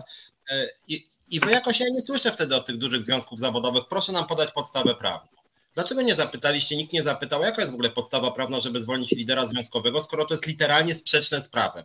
Jaka jest podstawa prawna, żeby nie uznawać sporu zbiorowego, chociaż literalnie nie ma możliwości odmowy wejścia w spór zbiorowy ze, ze strony pracodawcy? Jest w ogóle niespotykane w praktyce prawnej. W Polsce nawet jakby związek żądał podwyżki o 5000%, e, to wtedy w negocjacjach pracodawca mówi, przepraszam, ale to jest niemożliwe, możemy się zgodzić na 20 na przykład. Ale, ale nie można odmawiać, to jest po prostu literalnie nielegalne i e, to, e, tu miałem na myśli. Pytanie było, czy ona odwołała się do sądu, oczywiście się odwołała, sprawa, sprawa właśnie tak. rusza. Natomiast przechodzę do tej sprawy dla Was kluczowej, Otóż pracodawca wysłał do 43 tysięcy pracowników ZUS-u, według mojej wiedzy do wszystkich, po prostu informację, że związkowa alternatywa blokuje porozumienie i bez naszego podpisu e, nie będą wypłacane pieniądze. Jednocześnie ruszyła ta nagonka, że wszyscy mają naciskać na Ilonę. Jak mówię, Ilona oberwała tutaj mocno, mnóstwo hejtu, jakichś wyzwisk, gruźb, nacisków. Ja dostałem pośrednio, bo do mnie tych maili było kilkadziesiąt, do Ilony kilkaset, jeśli nie kilka tysięcy. W związku z tym przechodzę do wyjaśnienia, dlaczego moim zdaniem pracodawca bredzi. E, to, co się pojawia w piśmie pracodawcy, to artykuł 27 ustawy o związkach zawodowych. Ja sobie właśnie tę ustawę trzymam teraz komórkę, e, sobie otworzyłem, żeby e, nie było, żebym czegoś nie sfałszował. Więc może przeczytajmy sobie ten artykuł ustawy o związkach zawodowych. Punkt, który przywołuje pracodawca, chodzi o punkt trzeci artykuł 27 punkt 3 mówi tak, regulaminy nagród i premiowania są ustalone i zmienione w uzgodnieniu, i to jest kluczowe słowo, w uzgodnieniu z zakładową organizacją związkową, dotyczy to również zasad podziału środków na wynagrodzenia dla pracowników zatrudnionych w jednostkach sektora finansów publicznych. Są różne spory co do tego, na ile ZUS jest jednostką sektora finansów publicznych. Ja akurat tego nie kwestionuję, bo ja jakby są różne metodologie, moim zdaniem jest, ponieważ ZUS jest opłacany z budżetu państwa, więc ja tego osobiście nie kwestionuję, jako związek tego nie kwestionujemy. Natomiast to, co jest kluczowe w tym punkcie, to jest słowo uzgodnieniu. Są zmieniane w uzgodnieniu. Więc generalnie każda zmiana systemu płacowego, w tym nowe pieniądze, co miało miejsce w niedzielę, e, ma to być w uzgodnieniu. Czyli krótko mówiąc, związki zawodowe mają wyrazić zgodę na wypłacenie lub brak wypłacenia środków. Moja pierwsza intuicja w tej sprawie, czy nie powiedzieć intuicja, tylko, tylko, e, tylko opinia prawna na podstawie też rozmów e, z prawnikami, interpretacji dotychczasowych była taka, że artykuł 27 e, ustawy o związkach zawodowych służył temu, żeby każda organizacja związkowa mogła blokować rozwiązania niekorzystne dla pracowników. Niekorzystne, czyli na przykład w sytuacji kryzysu, co miało miejsce w locie, w pewnym momencie pracodawca obniżył pensję o połowę, przerzucił pracowników na pół etatu po prostu. Podpis takiego dokumentu, sami przyznacie, jest dwuznaczny, niekorzystny, część może się burzyć. W związku z tym w takiej sytuacji, jeżeli jest pięć związków, jeden nie podpisuje, to rozwiązanie jest przynajmniej czasowo zablokowane. Jest to w pełni zrozumiałe, taka jest intencja pracodawcy. Natomiast trudno sobie wyobrazić sytuację, w której pracodawca dorzuca pracownikom do pensji e, jakieś dodatkowe środki i nagle pracownicy czy związki zawodowe zaczynają protestować i mówią, że my się nie zgadzamy na wypłatę tych środków, że to jest jakiś skandal, tak? że my odmawiamy podniesienia pensji. E, więc w domyślnie, podobnie zresztą jak z systemem podatkowym, rozwiązania niekorzystne e, mogą być blokowane, natomiast korzystne, nawet jak to jest 50 zł, domyślnie są uznawane. Ale, to, ale, ale nasz argument główny jest zupełnie inny i ten argument został przedstawiony przez obecną tu Ilonę Garczyńską i przesłany pracodawcy dzień po niepodpisaniu przez nas porozumienia, mianowicie pracodawca, jak to niektórzy pisali, że my na Facebooku wrzucamy jakieś pisma. Nie, nie wrzucamy na Facebooka, my przekazujemy na Facebooku do Waszej informacji, chcemy być transparentni, te pisma, które przekazujemy pracodawcy. W związku z tym my przekazaliśmy już dwa dni temu pracodawcy właśnie pismo, w którym przedstawiliśmy naszą, naszą, na, nasze podejście do sprawy. Przekazała to pismo Ilona Garczyńska do pani Gertrudy Uścińskiej, do władz Zakładu Ubezpieczeń Społecznych.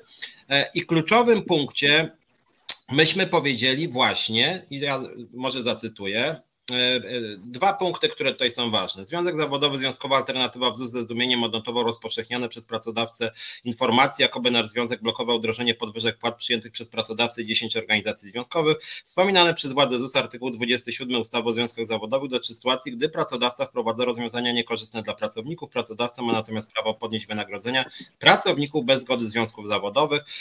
Tu wspominamy też to, że przez wiele tygodni pracodawca odmawiał prowadzenia z nami rozmów, mimo to przyjmował różne rozwiązania ale w tej sprawie, o której teraz mówimy, kluczowy jest punkt czwarty, który został przez nas przekazany do Zakładu Ubezpieczeń Społecznych. Z tego co wiem, Ilona jeszcze raz później e, pracodawca o tej sprawie przypomniała w sposób bardziej rozbudowany. Mianowicie napisaliśmy, jeśli pracodawca ma wątpliwości prawne wobec podniesienia płac pracowników bez zgody naszego związku, to informujemy, że Związek Zawodowy, Związkowa Alternatywa w ZUS nie będzie nie będzie podejmował żadnych kroków prawnych mających na celu zakwestionowanie wypłaty środków wynegocjowanych przez pracodawcę i 10 organizacji związkowych 3 lipca bieżącego roku. Co to znaczy tłumacząc na polski? To jest oficjalne pismo przekazane drogą urzędową, w którym nasz zarząd naszego związku w ZUS-ie oznajmił pracodawcy, że zgadza się, zgadza się na wypłatę tych pieniędzy, zgadza się. W ustawie jest napisane uzgodnienie.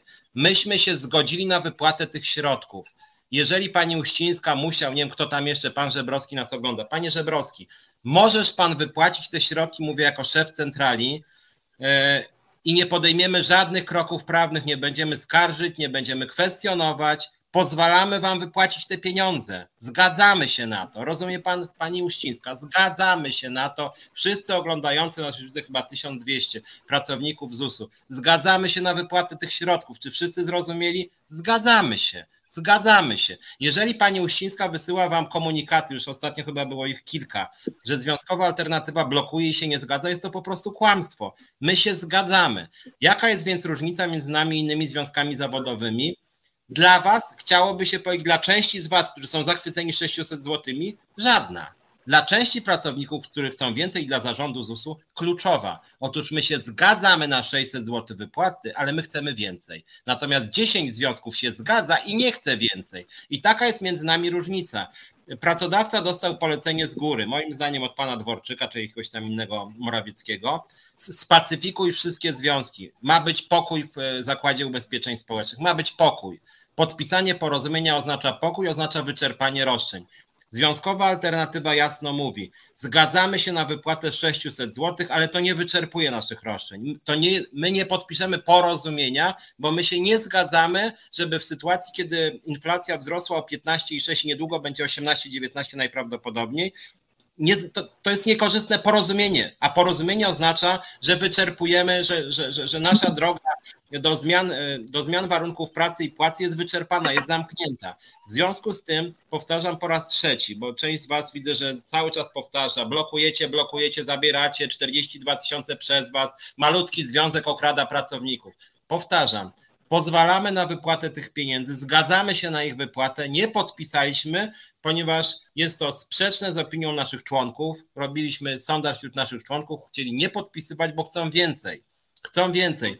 My w takim razie mówimy, przelejcie drogi ZUSie 600 zł, te 300 to w ogóle naszym zdaniem są bajeczki i dla większości to jest ściema, natomiast my nie rezygnujemy. Bardzo nam przykro, Pani Uścińska i Panie Żebrowski, nie spacyfikowaliście nas.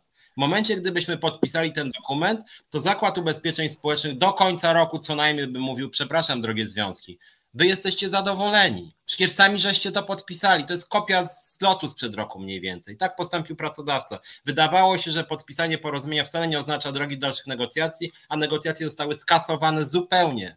Zupełnie, zostały zamknięte po prostu. I, I pod tym względem, i pod tym względem, jeżeli nas pan Żebrowski y, y, ogląda, to prosimy pana, żeby pan przestał naprawdę kłamać. Jeżeli chodzi o uzgodnienie wypłaty 600 zł, my zgadzamy się na wypłatę tych 600 zł, natomiast nie zgadzamy się, żeby, żeby to porozumienie podpisane przez 10 związków zawodowych zamykało sprawę podwyżek. Jako jedyny związek uważamy, że pracownikom należy się więcej. E, teraz to jeszcze ja. Mm, w ciągu dwóch dni nikt nigdy, nie, może inaczej, w ciągu roku Nikt nigdy nie wysłał do Was tylu maili, jak w ciągu ostatnich dwóch dni, w których pisze się, że Ilona Garczyńska, że alternatywa. Dlaczego nie napiszecie o innych związkach? Piszecie, że z alternatywy odchodzą członkowie. Na tą chwilę powiem Wam tak, odeszło ode mnie 8 osób, a przyszło 15 deklaracji. Na tą chwilę. Wczoraj był straszny hejt, dzisiaj dostaję bardzo dużo miłych wiadomości, bo do ludzi dotarło, co tu się dzieje działali pod wpływem emocji, wy też działacie pod wpływem, pod wpływem emocji. Teraz pani Drost podpisuje się pod mailami do was, pisze koleżanki, koledzy, jutro napisze moi przyjaciele, za chwilę będzie do was indywidualnie wysyłać listy. Kochana Beato, E, szanowna Aniu, co u ciebie słychać, jak się czujesz? Weź namów tą Garczyńską, żeby to podpisała. Bo tak będzie. Widzicie, co się dzieje? A za dwa miesiące wrócicie do normalności, gdzie maile będą propagandowe, nikt się pod nimi nie będzie podpisywał, dostaniecie znowu e, pełno roboty. Nikt, e, pani Drost po spotkaniu powie mi, że ona nic nie wie o mobbingu w ZUS-ie. Nic takiego nie istnieje, bo do niej żadne skargi nie docierają. Obcy ludzie do mnie piszą, ludzie, którzy nigdy się nie udzielali na grupie nie byli w moim związku, nigdy się do mnie nie odzywali, piszą do mnie, że popierają. I choćby tych ludzi miało być 10, 20 czy 30%. I tak jak y, się związki śmieją, że w moim y, związku są tylko starsi referenci, referenci y, i, i lenie, bo takie schodzą opinie, poczytajcie sobie, to wszystko wybrzmiało już. Bo, ta, bo taka jest opinia o naszym związku. To ja tych ludzi będę chronić właśnie przed wami, którzy zagwarantujecie zawsze tym ludziom, że nie dostają tej części uznaniowej. Będę chronić tych ludzi. Miejcie sobie tych starszych specjalistów. Jeżeli uważacie, że starszy specjalista jest lepszy od starszego referenta, który, nie wiem, pracuje 15 lat i nie może uzyskać awansu, jeżeli uważacie, że ten człowiek jest lepszy, dzielcie ludzi, zróbcie hejt na, e, na związków alternatywy. E, dzisiaj się dowiedziałam, że napluto na jedną członkinię e, związkowej alternatywy. I nie mówię tego w przenośni, napluto na nią. Tak się zachowują urzędnicy. Tak się zachowujecie właśnie pod y, presją pracodawcy i związków zawodowych. Bardzo Wam naprawdę gratuluję. Pokazaliście swój kunszt. I ja, na mnie to nie działa, bo jestem gruboskórna. Mnie ten hejt nie rusza. Ja się bardziej z tego śmieję, że urzędnik państwowy, kobieta, która y, y, pisze do mnie, że ma dwójkę dzieci że jest sama, za chwilę mi pisze, że jestem tyryryry tempą dzidą e, i to jest to jeden z lżejszych komentarzy, no to świadczy tylko i wyłącznie o was. E, ko komentować tego, co, co będą mówić o tym, że chcę być gwiazdą, że chcę zaistnieć w polityce, to już nawet mi się nie chce, to ja was po prostu będę za to blokować i, i nie piszcie później osobnego postu, dlaczego pani Garczyńska mnie zablokowała, na pewno było coś niegodnego. Nie, zablokowałam cię po prostu z głupoty. Tylko i wyłącznie dlatego, że jesteś po prostu yy, głupi, że, powtórzy, że powtarzasz tępą propagandę związków zawodowych. Co zrobiły związki zawodowe? Bo to też jest bardzo ciekawe. Związki zawodowe, wszystkie, zażądały od pracodawcy realizacji tego porozumienia. Czyli co? Garczyńska miała rację, że nie jest potrzebny jej podpis. Jeden ze związków zawodowych za trzy dni będzie zawiadamiał prokuraturę, jeżeli te środki nie zostaną wypłacone. Garczyńska nie miała racji. Ogarnijcie się ludzie i czasami przemyślcie, co robicie, bo ruchy związków zawodowych potwierdzają tylko to. Garczyńska miała rację. Nie musi wcale tego podpisywać. Tylko nie na podstawie, niekoniecznie na podstawie, może tak, bo, bo może też w pewnej części, ale bardziej na artykuł 27, o którym przed chwilą mówił Piotrek.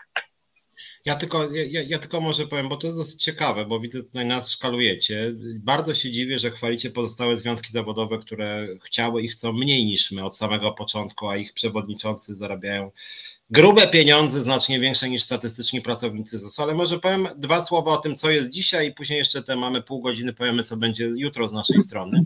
Otóż słuchajcie, dzisiaj mamy taką sytuację, że my powiedzieliśmy, że my tego nie podpisujemy, bo chcemy więcej. Jednocześnie nie blokujemy tych środków. Uważam, że pracodawca, starałem się Wam powiedzieć przez pięć minut, dlaczego uważam, że pracodawca może wypłacić te środki. Nadmienię też, że jeśli chodzi o ustawę o związkach zawodowych i generalnie kodeks pracy, to nie są, jeżeli pracodawca czy pracownik łamie prawo, to nie są przestępstwa ścigane z urzędu. To nie jest gwałt, morderstwo czy kradzież, e, tylko to jest, jeżeli ktoś łamie przepisy, to musi znaleźć się ktoś, kto poda do sądu czy prokuratury drugą stronę. W związku z tym, jeżeli pracodawca wypłaca e, na przykład po 600 zł, a myśmy się nie podpisali, to ja podkreślam, jeżeli my w oficjalnym stanowisku piszemy, że nie będziemy ścigać prawnie Zakładu Ubezpieczeń Społecznych, no to w takim razie jakby Zakład Ubezpieczeń Społecznych nie ma czego się bać, no bo z jakiej racji, jeżeli my ich nie pozwiemy, a my to publicznie złożyliśmy deklarację, jeżeli, jeżeli, jeżeli ZUS chce, to możemy to e, podpisać notarialnie, że my ich nie pozwiemy za wypłatę tych sześciu. E, Nawet zapłacę za notariusza. Tak, proszę bardzo. Natomiast wracając do tego, co robią inne związki zawodowe, bo to tylko dowodzi, że my mamy rację. Mianowicie inne związki zawodowe, momentalnie wszystkie, napisały do pracodawcy, że nie wypłacając środków łamie prawo. Łamie prawo, tak, że on ma obowiązek prawny wypłacić te pieniądze. I co teraz? To kto teraz je myli? Czy uważacie, że wszystkie te związki działają bezprawnie, czy może jednak pani Uścińska? My, my, ja, nie wnikam, ja widziałem te pisma od nich, oni się powołują, poczytajcie sobie artykuł 30 ustawy o związkach zawodowych. Wszystkie są przekonane, że pracodawca e, łamie prawo do tego stopnia, że aż chcą iść do prokuratury. W związku z tym dziwię się, że wy do nas się pchacie, że mamy ekspertyzy prawne, a tymczasem pracodawca się teraz naparza z pozostałymi związkami zawodowymi. Jedni mówią swoje ekspertyzy, ponoć pracodawca swoje, ja nie widzę ani jednych, ani drugich, szczerze powiedziawszy, ale pomijając to. Nie ma ekspertyz, to nie, to nie ma ekspertyz. Jedni nie przedstawiają i drudzy nie przedstawiają, tylko się ze sobą biją, tak? I, I co się dzisiaj zadziało, bo to mnie muszę powiedzieć bardzo rozbawiło. Wy mówicie, że że inne związki zawodowe też chcą więcej. Znaczy, po pierwsze, jeżeli chcą więcej, to dlaczego w czasie negocjacji nie zgodziły się na 100 zł więcej? Mogły się zgodzić na te 700 więcej, nie chciały. A punkt wyjścia nasz był 800 zł, więc mogły 200 zł więcej i każdy by dostał po 200 zł, tylko nie, z nieznanych nam przyczyn e, związki tego nie chciały. Ale dzisiaj przeczytałem, uwaga, uwaga, że największy związek pani Beaty Wójcik, która, jak mówię, dostała, przypuszczam, nawet grubo ponad 30 tysięcy tego grudnia. Wystąpimy w ramach informacji publicznej o to, ile ona tak naprawdę dostała, moim zdaniem ze 40, że ten związek zawodowy chce wejść, jeżeli nie dostaną no, pracownicy tych pieniędzy 600 zł, 600 zł, nie więcej, nie 1000, 1600, to oni wejdą w spór zbiorowy o 600 zł i ewentualnie myślą nad nawet strajkiem o 600 zł. 600, nie 1000, 1500, jak my 60%, tylko 600 zł. W związku z tym nie wciskajcie nam kitu, że niby wszystkie organizacje związkowe chcą ponad 600, bo oni nawet są gotowi może strajk robić o 600. To my byśmy chcieli, jak już strajk robić, to róbmy strajk o pełną pulę. My rzuciliśmy 60%. Możemy, jak chcecie jeszcze to modyfikować, robić referendum wśród pracowników. Czy to ma być 1500, czy to ma być 60, czy to ma być 1800 podwyżki. Proszę bardzo, ale robić strajk o 600 zł, które oferował pracodawca Naszym zdaniem też nielegalnie teraz nie wypłaca, więc nie wciskajcie kitu, że inne związki zawodowe chcą więcej, dlatego że w czasie negocjacji mogły się z nami zgodzić i rzucić więcej. Mogliśmy o godzinie 11.45, tam 12.15 wszyscy powiedzieli, dobra, niech będzie 800 na 100 i niech wszystkie związki zawodowe to poprą, ale nie chciały z jakich przyczyn. W związku z tym naprawdę nie miejcie do nas pretensji. Dzisiaj mamy taką z naszej perspektywy trochę dziwną sytuację, że związki zawodowe poza naszym uważają, przynajmniej uważają, że mają podstawy prawne y, do tego, żeby żądać od Zakładu Ubezpieczeń Społecznych wypłaty 600 zł. Jeżeli ZUS wypłaci te 600 zł, to sami zobaczycie, że Zakład Ubezpieczeń Społecznych kłamał. Po prostu kłamał. I wtedy prosiłbym, nie zasypcie nam skrzynek, ale krótkie przepraszam, może w opisie wiadomości. Przepraszam, E, przepraszam i może być pusta wiadomość, bo się wtedy okaże, że, że ZUS kłamał, a my mieliśmy rację. I druga opcja. Druga opcja jest taka, że pozostałe związki zawodowe już mówią, że jeżeli te pieniądze nie będą wypłacane, to one zerwą porozumienie. Przynajmniej pierwszego dnia takie pismo poszło. Jeżeli zerwą porozumienie, to wtedy wrócimy do stołu obrad. My będziemy mówić co najmniej 800 na 100 i wtedy być może dostaniecie 800. I dzięki komu niby? Dzięki OPZZ-owi? Nie wyłącznie dzięki nam. Więc opcje są tak naprawdę dwie. Albo pieniądze przyjdą już, albo e, będą wynegocjowane lepsze środki, co szczerze powiedziawszy nam by bardziej odpowiadało, bo byśmy bardzo chętnie jutro zaczęli ponowne negocjacje, startujemy od innego poziomu, zadziało co się zadziało, więc na przykład spróbujmy, ja apeluję tutaj jako lider też Centrali do wszystkich związków, pewnie nas oglądają, to spróbujmy może usiąść i powiedzieć dajcie 1100, jeżeli związki inne chcą 300, nam się to niezbyt podoba, to niech będzie, to niech będzie 800 na 300. Proszę bardzo, niech wszystkie związki razem tak wystąpią. 800 na 300. A dlaczego nie? Bo co, bo tak pracodawca powiedział? No to zrób, mówię, my, my, my, my, my jesteśmy gotowi jutro usiąść do negocjacji, jak o to chodzi. Za każdym razem wszystkie związki zawodowe są długopisem pracodawcy. Przyjdzie i właśnie, a propos, dlaczego? E, Spotkanie niedzielne. Pracodawca przez godzinę mówi propagandę, jak to pani, y, pani Uścińska z pompą wejdziemy w nowy tydzień. Pani prezes stoi na barykadzie, stała na barykadzie. Jeszcze nie widziałam tak walczącej pani prezes. To są moje ulubione cytaty. Pani prezes poszła w bank. Słuchajcie, jeżeli pracodawca zostawia związki zawodowe z kwotą 900 zł, żebyśmy podzielili to na część uznaniową obligatoryjną, po czym wchodzi i, i łamie wszystko, co żeśmy poustalali między sobą i, i związki nagle wszystkie idą w dół, tak jak chce pracodawca, to po co to było? Po co ta szopka? Czemu żeśmy pięć godzin tam siedzieli i między sobą ustalali jakieś podziały? To mógł pracodawca powiedzieć po godzinnej propagandzie, że pani prezes tak bardzo stała na barykadzie, takiej się ta barykada spodobała, że teraz barykaduje się na kwocie 600 mm, na 300 i do widzenia. I nie, nie tracilibyśmy pięciu godzin, być może y, zdążyłabym jeszcze powiedzieć do członków, słuchajcie, nie ma w ogóle dyskusji, podpisywać propozycję pracodawcy, czy, czy wyjść stąd. No, po co to? No po co ta, ta szopka? Porozumienie, y, negocjacje były straszną szopką, straszną. Skoro mieli zaplanowane na 20.30 y, spotkanie zarządu, skoro tak nas cisnęli na porozumienie w niedzielę, sprawa jest prosta. Wszystko było już ustalone, nie, pracodawca nigdy by się nie zgodził na więcej, można było zaoszczędzić 5 godzin, niepotrzebne to było to wszystko, niepotrzebne były nerwy, niepotrzebne było gadanie, że część uznaniową dostają tylko leserzy y, i, i lenie, bo yy, owszem, są naczelnicy, którzy uczciwie przyznają te pieniądze, ale większość, co też wy mi piszecie, wy, to wy do mnie piszecie, że yy, większość dostałem swoi.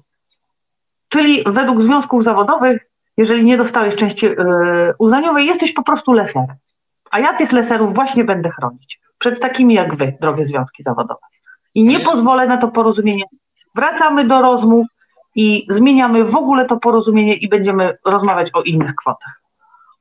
Więc ja też, bo naprawdę widzę, że część odspieniem, czy wam płaci pracodawca, czy wy nas w ogóle nie słuchacie. Przez 20 minut wam tłumaczymy, dlaczego pracodawca, jeżeli chce, jeżeli chce, jeżeli będzie chciał, to wam wypłacić te pieniądze. Może je wypłacić dzisiaj. Ma podstawę prawną. Ja nie wiem, czy nie słuchaliście mnie. Mówiłem wyraźnie.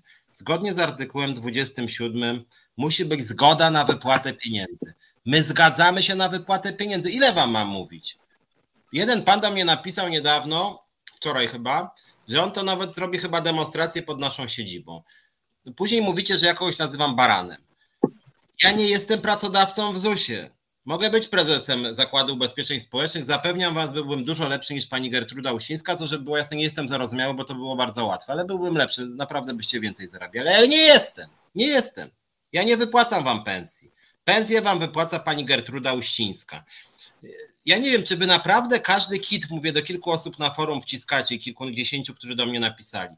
Jeżeli my mówimy jako związek, zgadzamy się na wypłatę środków, a w ustawie jest napisane, że trzeba to uzgodnić, więc my się zgadzamy. Ja nie wiem, czy mam 50 razy powtórzyć, że się zgadzamy, a pracodawca mówi, nie chce mi się tych pieniędzy wypłacić. A wy zamiast biec do pracodawcy i mu mówić, ty złodzieju, ty bandyto, natychmiast wypłać nam te pieniądze, to wybiegniecie do Ilony Garczyńskiej do Szumlewicza, wypłaćcie nam te pieniądze. Ludzie, no, jakby są pewne granice braku sensu, szczerze powiedziawszy, przepraszam bardzo, no. Jeżeli pracodawca ma pieniądze, pracodawca może tak powiem, ma swoje maszyny, jak to się tam mówi, e, do wypłaty pieniędzy, to pracodawca nie musi nawet czekać do żadnego 22. Pracodawca może wypłacić te pieniądze dzisiaj. Dzisiaj. Ma takie technologiczne możliwości, żeby wypłacić wam dzisiaj te pieniądze. Nie za dwa tygodnie, tylko dzisiaj. My mówimy jasno, i to Ilona przed chwilą powiedziała. Dla nas to tak zwane porozumienie jest niesatysfakcjonujące, więc go nie podpiszemy. Natomiast arogancja i bezczelność władz Zakładu Ubezpieczeń Społecznych skłania nas do tego, że jeżeli usiądziemy przy stole i apelujemy tutaj do innych związków, zerwijcie to porozumienie. Ogarnijcie się, poczytajcie sobie wyniki sąd nawet wśród waszych członków i wspólnie żądajmy więcej po prostu, więcej. Czyli na przykład 1100 zł, z czego 900 e, e, miałoby być kwotą obligatoryjną. Usiądźmy razem jeszcze raz, jeszcze trzy dni posiedźmy. Trzy dni, jeżeli usiądziemy, usiądą reprezentacje związków 7 lipca, skończą 10, e, to, to wtedy można wypłacić spokojnie pieniądze 17. Jeżeli ktoś rozumie jak jakiś pączek w maśle, że pracodawca na daje 300, no to może trzeba, trzeba, trzeba mieć dla siebie trochę szacunku i wtedy zrobić trzeba na przykład strajk. Trzeba może wtedy. Słuchajcie. Bardzo, ja nawet nie czytam tych komentarzy, tak tylko przeleciałam, że nagle się pojawiają jakieś przypadkowe X, Y, B, 8 czy 15, 24 i nagle pisze Ilona Garczyńska podpisz. Nie podpiszę, czytam to wszystko tak prawym okiem. Ale chciałabym, żeby wybrzmiało, bo może nie rozumiecie. Nie podpiszę tego, nie w tej formie i nie z tymi kwotami. Przykład starszy referent. Minimalna 3100, aktualnie w tabeli maksymalna 4850. Ilu z Was, będących na stanowisku starszego referenta, zabiera, za, zarabia 4850 brutto? Ilu z Was? Różnica pomiędzy 4850 a 300 to, to jest 1750. Zapamiętajcie tą kwotę. Po podwyżkach 3700 minimalna, 6050 maksymalna. Na stanowisku starszy referent. Różnica 2,350, czyli różnica się pogłębia o 600 zł. Czy wy to widzicie? Czy do was to dociera? Czy wy to rozumiecie, co jest w tym porozumieniu zapisane? I, czyli nie będzie likwidowania kominów, tylko te kominy są pogłębiane. W tym porozumienia nie ma nic, co gwarantuje za, y, zasypywanie kominów płazowych. Nawet jeśli byśmy się zgodzili na 300 zł obligatoryjnie, a 600 zł uznaniowo, to przy tym porozumieniu kominy płacowe są pogłębione. I w końcu mam nadzieję, że to do Was dotrze za kilka dni, jak sobie to przełkniecie, jak sobie od, odsłuchacie ten reset jeszcze raz, e, bo pisałam, mówiłam, nagrywałam filmiki, a Wy dalej swoje. Kiedy będą te pieniądze, podpisz porozumienie. Nie podpiszę tego porozumienia, a pieniądze będą, jakie wypłaci pracodawca. Może to zrobić od ręki. E, na systemy informatyczne zostało przeznaczone 50 milionów bez y, przetargu, będę to powtarzać, za to też poleciałam między innymi, za to, że mówię o tym, że te pieniądze wyszły bez przetargu. Y, także y, pracodawca tak się chwali takim, taką informatyzacją zakładu, więc ja myślę, że to jest kliknięcie, to jest kliknięcie i, i pieniądze lecą do Was szerokim strumieniem, 600 na 300. My tego nie podpiszemy, pracodawca ma prawo wypłacić te pieniądze, podstawa prawna została Wam podana, Wystąpcie sobie o analizę prawną do pracodawcy, jeżeli coś Wam nie gra. Niech pracodawca Wam napisze analizę prawną na 20 stron, wyjdzie na jedno.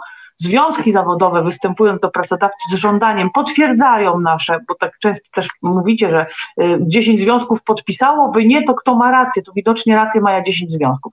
To skoro 10 związków ma rację, a wystąpiło do pracodawcy z żądaniem wypłat tych środków, to potwierdza to, że nie trzeba naszego podpisu, wyrażamy zgodę na wypłacenie tych środków i e, nie chcę tutaj używać skały, e, czy niebo płakało, mm, ale jakbyście nie zaklinali tej rzeczywistości, pracodawca ma prawo wypłacić te środki i mam nadzieję, że zdąży do 22, bo 43 tysiące pracowników czeka. I nie piszcie do mnie, bo to nie ja za to odpowiadam, tylko pracodawca i 10 związków zawodowych, które podpisały to porozumienie, które jest według mnie dla Was niekorzystne i obawiam się, że 60% z Was nie dostanie części uznaniowej. I nie wiem, ile razy jeszcze będziemy musieli to powtórzyć, więc jeżeli ktoś nie rozumie, to niech sobie odtworzy dzisiejszy mm, e, reset 15 razy, 20, aż w końcu zrozumie o co chodzi, bo to porozumienie jest niekorzystne, nie gwarantuje zasypywania kominów, nie podoba mi się to porozumienie, można było wywalczyć większe kwoty, e, można było w ogóle wywalczyć większą średnią, ale przecież trzeba było już iść do domu, bo już była godzina 19. Spotkanie zarządu było na 20.30, więc się wszyscy spieszyli, żeby szybko, szybko podpisać, byle co podpisujemy, żeby tylko już iść do domu, żeby broń Boże nie siedzieć w Warszawie. Ja się nie po to pozbyłam dziecka, w cudzysłowie pozbyłam, na kilka dni, żeby w niedzielę wieczorem, po nocach musieć wracać do domu, bo nie miałam ochoty już patrzeć na tych ludzi i patrzeć na to, co tam się dzieje. Nie po to pozbyłam się dziecka, żeby, żeby zakończyć negocjacje w ciągu jednego dnia, niekorzystne dla Was i nie będę i nie chcę być kolejnym długopisem pracodawcy, bo ja się nie będę zgadzać na wszystko. Bo za rok, gdybym podpisała to porozumienie teraz, to przy następnych negocjacjach o cokolwiek, o cokolwiek by nie było, pracodawca by powiedział ze związkami, albo to podpisujesz, albo zrobimy to samo, co było wtedy. I znowu byłaby nagonka, proszę zmusić Garczyńską do podpisu. Pracodawca nie jest od zmuszania Garczyńskiej do podpisu, bo Garczyńska, a w zasadzie związkowa alternatywa to jest niezależny związek, a tym bardziej od pracodawcy. I pracodawca nie ma prawa mnie do czego zmuszać, a robi to waszymi rękoma. Dostaliście kiedyś tyle maili od pani Drost, koleżanki, koledzy, jutro przyjaciele, a za dwa miesiące będziecie wrogami, automatami i dowalą wam roboty, bo przychodzi ściganie Ukraińców, czyli sprawdzanie, czy są w Polsce i za chwilę zdrowotne spółku wam przyjdzie. I wtedy będzie płacz i zgrzytanie zębami. A podwyżki na przyszły rok będą zamrożone, co już zapowiedziała pani Maluk. A we wrześniu, tak jak Piotrek powiedział, bo wiele osób doszło w międzyczasie, inflacja, cena benzyny, za chwilę raty kredytów znowu wzrosną. I wtedy będzie płacz i zgrzytanie zębów. Ale po podpisaniu tego porozumienia będzie już za późno.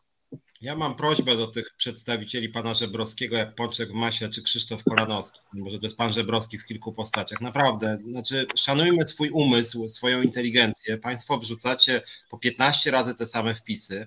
My się do nich odnosimy, a państwo w kółko, no trochę inteligencji, jednak przetwarzajcie informacje. No jeżeli ciągle mówicie, że my nielegalnie blokujemy środki. Nie ma, tam nie ma. A 20 minut, 20 minut wam tłumaczymy, że pracodawca ma prawo, ma prawo przelać pieniądze. Powtarzałem to chyba dziewięć razy, że nie blokujemy tych środków, a pan Kolanowski i tutaj jakiś Harry Potter, bez przerwy państwo powtarzacie te same bzdury. No ile można, ludzie? Powtarzam, w ustawie jest zapis, czytałem tą ustawę to znaczy, uzgodnione. My zgadzamy się na wypłatę 600 zł. Ile mam razy powtarzać, że nie pozwiemy pani Uścińskiej za przelanie 600 zł?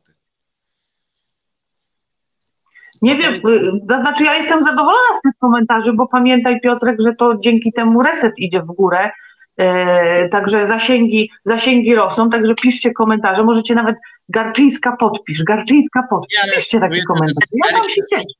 Szumlewicz powiedział, czego nie rozumiecie, znaczy wie pan, jeżeli pan wierzy, w ogóle Eryk Sinabrod, rozumiem, to jest imię i nazwisko, pan jest pracownikiem ZUS-u, no, oryginalne ma pan imię i nazwisko. E, ale jeżeli tak, czy, czy, czy, rzeczywiście te maile, które wysyłał pracodawca, Pana zdanie miały podstawy prawne? Robienie jakichś sąd, naciskanie na, na pracowników, żeby przekonywali niezależny związek zawodowy na mocy ustawy o związkach zawodowych, który jest niezależny w swoim funkcjonowaniu od pracodawcy. Ja nie widziałem tam podstawy prawnej, żeby pracodawca przedstawił podstawę, na mocy której mógłby podejmować takie działania. I jak ja Panu mówię, cytując ustawę o związkach zawodowych, że to jest nielegalne, to Pan mi mówi, że to jest moja opinia, a jak pracodawca bez żadnej podstawy prawnej robi, bo tak chce, to rozumiem, że to jest dla pana prawda objawiona, więc niech pan idzie do pana Żebrowskiego i dla mnie to zrobi i poprosi pana Żebrowskiego o podstawę prawną, o podstawę prawną pisania do pracowników ZUS-u, żeby naciskali na niezależny związek zawodowy na mocy ustawy związków zawodowych, e, e, żeby zasypywać związek zawodowy mailami do pracowników. Czy to przypadkiem nie jest e, działanie niezgodne z prawem? Niech mi pan da podstawę prawną tego typu działań, jeżeli już o to chodzi.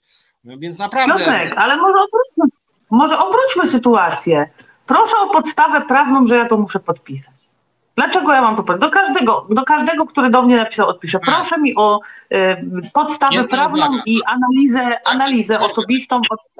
Bo do mnie tylko się przebiło, kilku pracowników mi nawet wysłało jakąś interpretację inspekcji pracy z roku, jeśli dobrze pamiętam, 2008, kiedy w ogóle były inne przepisy. W międzyczasie zmieniła się w ogóle ustawa o związkach zawodowych, moi drodzy, z 2008 roku i to jest ta tak zwana podstawa prawna, której są nie przekazuje wcale pracodawca, tylko jakiś tam pewnie prawnik Solidarności albo jakiegoś innego żółtego związku. To w ogóle nie jest opinia pracodawcy, to stanowisko inspekcji pracy. To jest opinia w zupełnie innej sprawie z 2008 roku, kiedy były zupełnie inne przepisy. A ja wam powtarzam, na mocy nawet te, tej, tego, co przesyłacie, pewnie wszyscy to czytaliście z 2008 roku, kiedy się mówi, że jest potrzebne uzgodnienie właśnie, którym ja się zgadzam, że jest potrzebne uzgodnienie, patrz, zgoda na wypłatę środków. Więc ja po raz już chyba jedenasty w ciągu tych naszego nie, niespełna dwugodzinnego programu powtarzam, my się zgadzamy na wypłatę 600 zł brutto. Zgadzamy się. Więc ja mam prośbę, żebyście nie pisali po raz pan Krzysztof Kolanowski po raz 186. Pani, pani tutaj e, Garczyńska i pan Szumlewicz dla swoich interesów politycznych, kariery, haha, blokują wypłaty środków. Blokuje pani Uścińska. Jeżeli pan uważa, że jest coś blokowane, to proszę pozwać, iść do prokuratury, jak już chyba jeden ze związków chce iść, że pani Uścińska okrada pracowników ZUS-u z ich pieniędzy, które im się należą. Okrada. I w takim razie, nie wiem, my bardzo chętnie mówimy, jeżeli uważacie, że pani Uścińska was okrada, to my chętnie poprzemy demonstrację, pikietę, strajk i wspólnie z wami coś zrobimy, że pani Uścińska was okrada i oszukuje, robi to zresztą moim zdaniem nie od dzisiaj. I proszę bardzo. I ja nie rozumiem, dlaczego wy nas akurat E, e, atakujecie. Akurat ustawa o związkach zawodowych, nie wiem czy pan wie, jakiś pączek w maśle, ona się zmieniała kilka razy. Ja nawet osobiście brałem udział w pracach nad zmianą ustawy, więc jak pan pisze o ustawie z 91 roku, więc panie Żebrowski, niech pan podpowiada swoim ludziom w sposób inteligentniejszy, bo źle pan podpowiada, głupio wygląda. E, nie, to jest tak.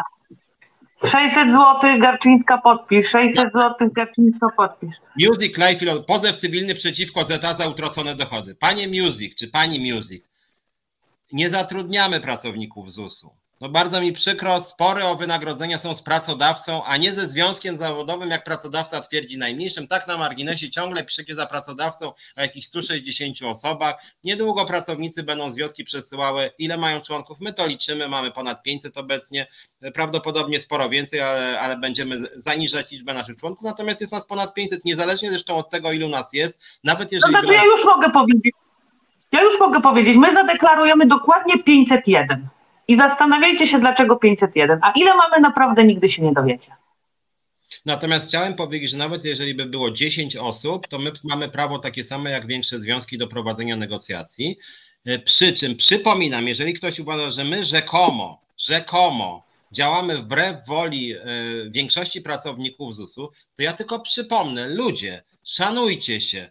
Jest, jest takie forum pracowników ZUS-u, pewnie większość z Was tam jest. Było tam co najmniej pięć sąd, w których dużo ludzi brało udział i mandat, jak chodzi o wszystkie związki zawodowe, bo to nie tylko nasz, to nie, my mamy swoje forum wewnętrzne naszego związku. Na forum pracowników ZUS-u od tysiąca wzwyż, zdecydowana przewaga tysiąc lub więcej, po pierwsze, a po drugie, e, jak dzielić środki? 900 zł do zera, zdecydowana większość, drugie miejsce 800 na 100. I to jest wola pracowników. A jeżeli ktoś wierzy w sądy pracodawcy pod tytułem, czy wolicie 600 czy 0, no to są naprawdę sądy w stylu Jacka Kurskiego. No ja nie wiem, no trzeba być jednak, przepraszam bardzo, ale niezbyt mądrym, żeby wierzyć w tak, aż tak manipulacyjne sądy, no bo jakby trzeba by się w czoło popukać sposób bez sensu. Tutaj, tutaj pisano w komentarzach, do mnie też takie doszły yy, głosy, ale często było tak, że naczelnik szedł do pracownika i pracownik musiał klikać tak przy naczelniku. Naczelnicy do mnie wypisywali, dyrektorzy, ci sami dyrektorzy i naczelnicy, na których dostaję skargi od pracowników. Skargi, że ich mobbingują, że mają rozwalające się krzesło, że wykładzina jest zgniła, że to za, przecież zgniła wykładzina kiedyś podnieśli, rozdarta na środku, kable wiszą na środku i tacy ludzie, którzy mobbingują pracowników, e, e, którzy doprowadzają do łez, do samobójstw, będę przypominać o tym, do samobójstw pracowników, którzy e, do rozstrojów nerwowych, do rozstrojów zdrowotnych, pracownicy przychodzą na środkach psychotropowych do pracy. Jeden mober z pierwszego oddziału nawet w zakładzie psychiatrycznym wylądował, bo tak był mobbingowany. Mobbingował swoich ludzi, ale był równocześnie mobbingowany od góry. Też w zakładzie pani e, wylądowała, pani T. Także yy, i ci ludzie mają czelność do mnie pisać, że dla dobra pracowników ja mam coś zrobić. Ludzie, którzy po prostu gnoją was, którzy z Was się wyśmiewają, y, którzy, niektórzy mają nawet kilkanaście spraw o mobbing, które przegrali, a zostały sprawy utajnione i nie można tych wyroków upublicznić, y, a ja je mam. Y, ludzie, którzy przegrywają sprawy o mm, nagany, które, które dali pracownikom zupełnie bezpodstawnie, przegrywają takie sprawy. I ci ludzie mają czelność do mnie pisać, że coś dla dobra pracowników ja mam zrobić? Pani Dros o tym wszystkim wie. Jeden z nich to jest y, doktorant pani Uścińskiej. I, I tacy ludzie do mnie piszą, a pan, który w pierwszym oddziale w Warszawie sobie mieszka y, na koszt y, podatnika, i to nie jest dyrektor, bo dyrektora jeszcze zrozumiem, bo musi jeździć pomiędzy dwoma gdzieś tam oddziałami. Jeszcze rozumiem, że dyrektor korzysta z, z noclegów w ZUS-ie, ale niższy, niższą rangą dyrektor, nie powiem której komórki, sobie tam mieszka na co dzień na koszt podatnika, no z jakiej racji? Ci ludzie do mnie piszą, Pani dyrektor y, y, Cichocka, która nie chce wypłacać gruszy pracownikom przebywającym na macierzyńskim wychowawczym. O każdą gruszę muszę się z nią bić, wysyłać tysiące maili w tej sprawie. Ona ma do mnie czelność pisać o, o tym, że ja coś mam zrobić dla dobra pracowników. Ludzie, wy się zastanówcie, co wy do mnie piszecie bo ja wam wszystkim odpowiem na te maile. Ja wam odpowiem do wiadomości pracowników, moich członków, utajnione będzie oczywiście, ukryte do wiadomości, i wrzucę te odpowiedzi na, na forum pracownicze, bo to jest po prostu cyrk, co wy robicie. Ja, w to, ja jak zaczęłam czytać te maile, to nie wierzyłam w to, co czytam, czytam naprawdę. E, mamy jeszcze 15 minut, mieliśmy też powiedzieć o naszych planach na najbliższe dni, więc tak. może o tym trochę powiedzmy. Znaczy, generalnie rzecz biorąc, może ja powiem jedno zdanie wstępu i zaraz Ci oddam głos. Z naszej perspektywy trwają negocjacje, e, które się nie skończyły. E, czekamy na ruch pracodawcy, czy zaproponuje więcej. Część związków sugeruje, co szczerze powiedziawszy nam się bardzo podoba i zgadzamy się z tym, żeby ponownie zasiąść do stołu obrad, na przykład jutro albo za cztery dni i wynegocjować inne warunki pracy, które będą bardziej korzystne dla pracowników. Liczymy na to, że wszystkie związki zawodowe przegadały ze swoimi członkami te propozycje i według naszej wiedzy, wbrew temu, co piszą tutaj różni trole pani Uścińskiej i pana Żebrowskiego, e, większość pracowników, zdecydowana większość pracowników oczekuje większych podwyżek. W związku z tym e, nam, nam pasuje, że tak powiem, scenariusz, na mocy którego to porozumienie się rozsypie i zasiądziemy w najbliższych godzinach, najlepiej godzinach, do stołu obrad i wynegocjujemy lepsze podwyżki dla pracowników, które oczywiście będą wypłacone w lipcu e, e, z, z uzupełnieniem ostatniego powiem, tak? Czyli to będą, będą wypłaty od stycznia, te warunki wypracowane teraz. W związku z tym no, my czekamy na propozycję pracodawcy. Liczymy, że w najbliższych godzinach te e, pracodawca coś zdecyduje. E, no i tyle, więc z naszej perspektywy obecnie trwają negocjacje, więc trochę się wstrzymujemy z jakimiś, że tak powiem, nerwowymi działaniami, bo uważam, że negocjacje po prostu się nie skończyły. My, my nie podpisaliśmy porozumienia, więc my jesteśmy, że tak powiem, przy stole obrad, tylko czekamy na pozostałe strony.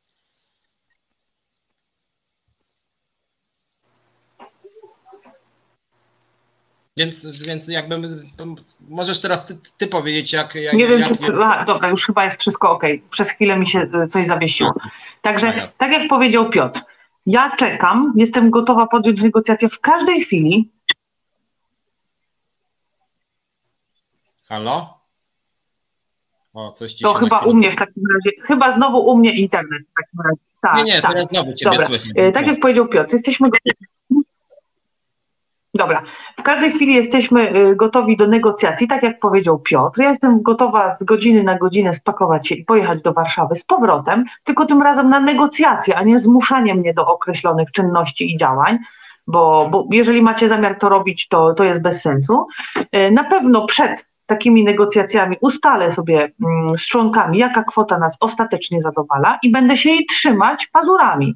Jeżeli pracodawca powie, że teraz, nie wiem, 400 obligatoryjnie, a 500, a moi członkowie stwierdzą, że minimum 900, nie popuszczę tej kwoty. Nie popuszczę i nie popuszczę treści tego porozumienia. Ma być zapis o tym, że kto nie dostaje y, części obligatoryjnej, ma prawo do pisemnego uzasadnienia od y, swojego przełożonego, dlaczego nie dostał. Może nawet niech przełożony mu wpisze, że jest leserem według niego, zgodnie z, z tym, co, co, co działo się na, y, na spotkaniu. Także, e, także tyle. Referendum oczywiście żeśmy przełożyli ze względu na to, że te negocjacje trwają. Prawdopodobnie wrócimy do niego we wrześniu, chyba że pracodawca.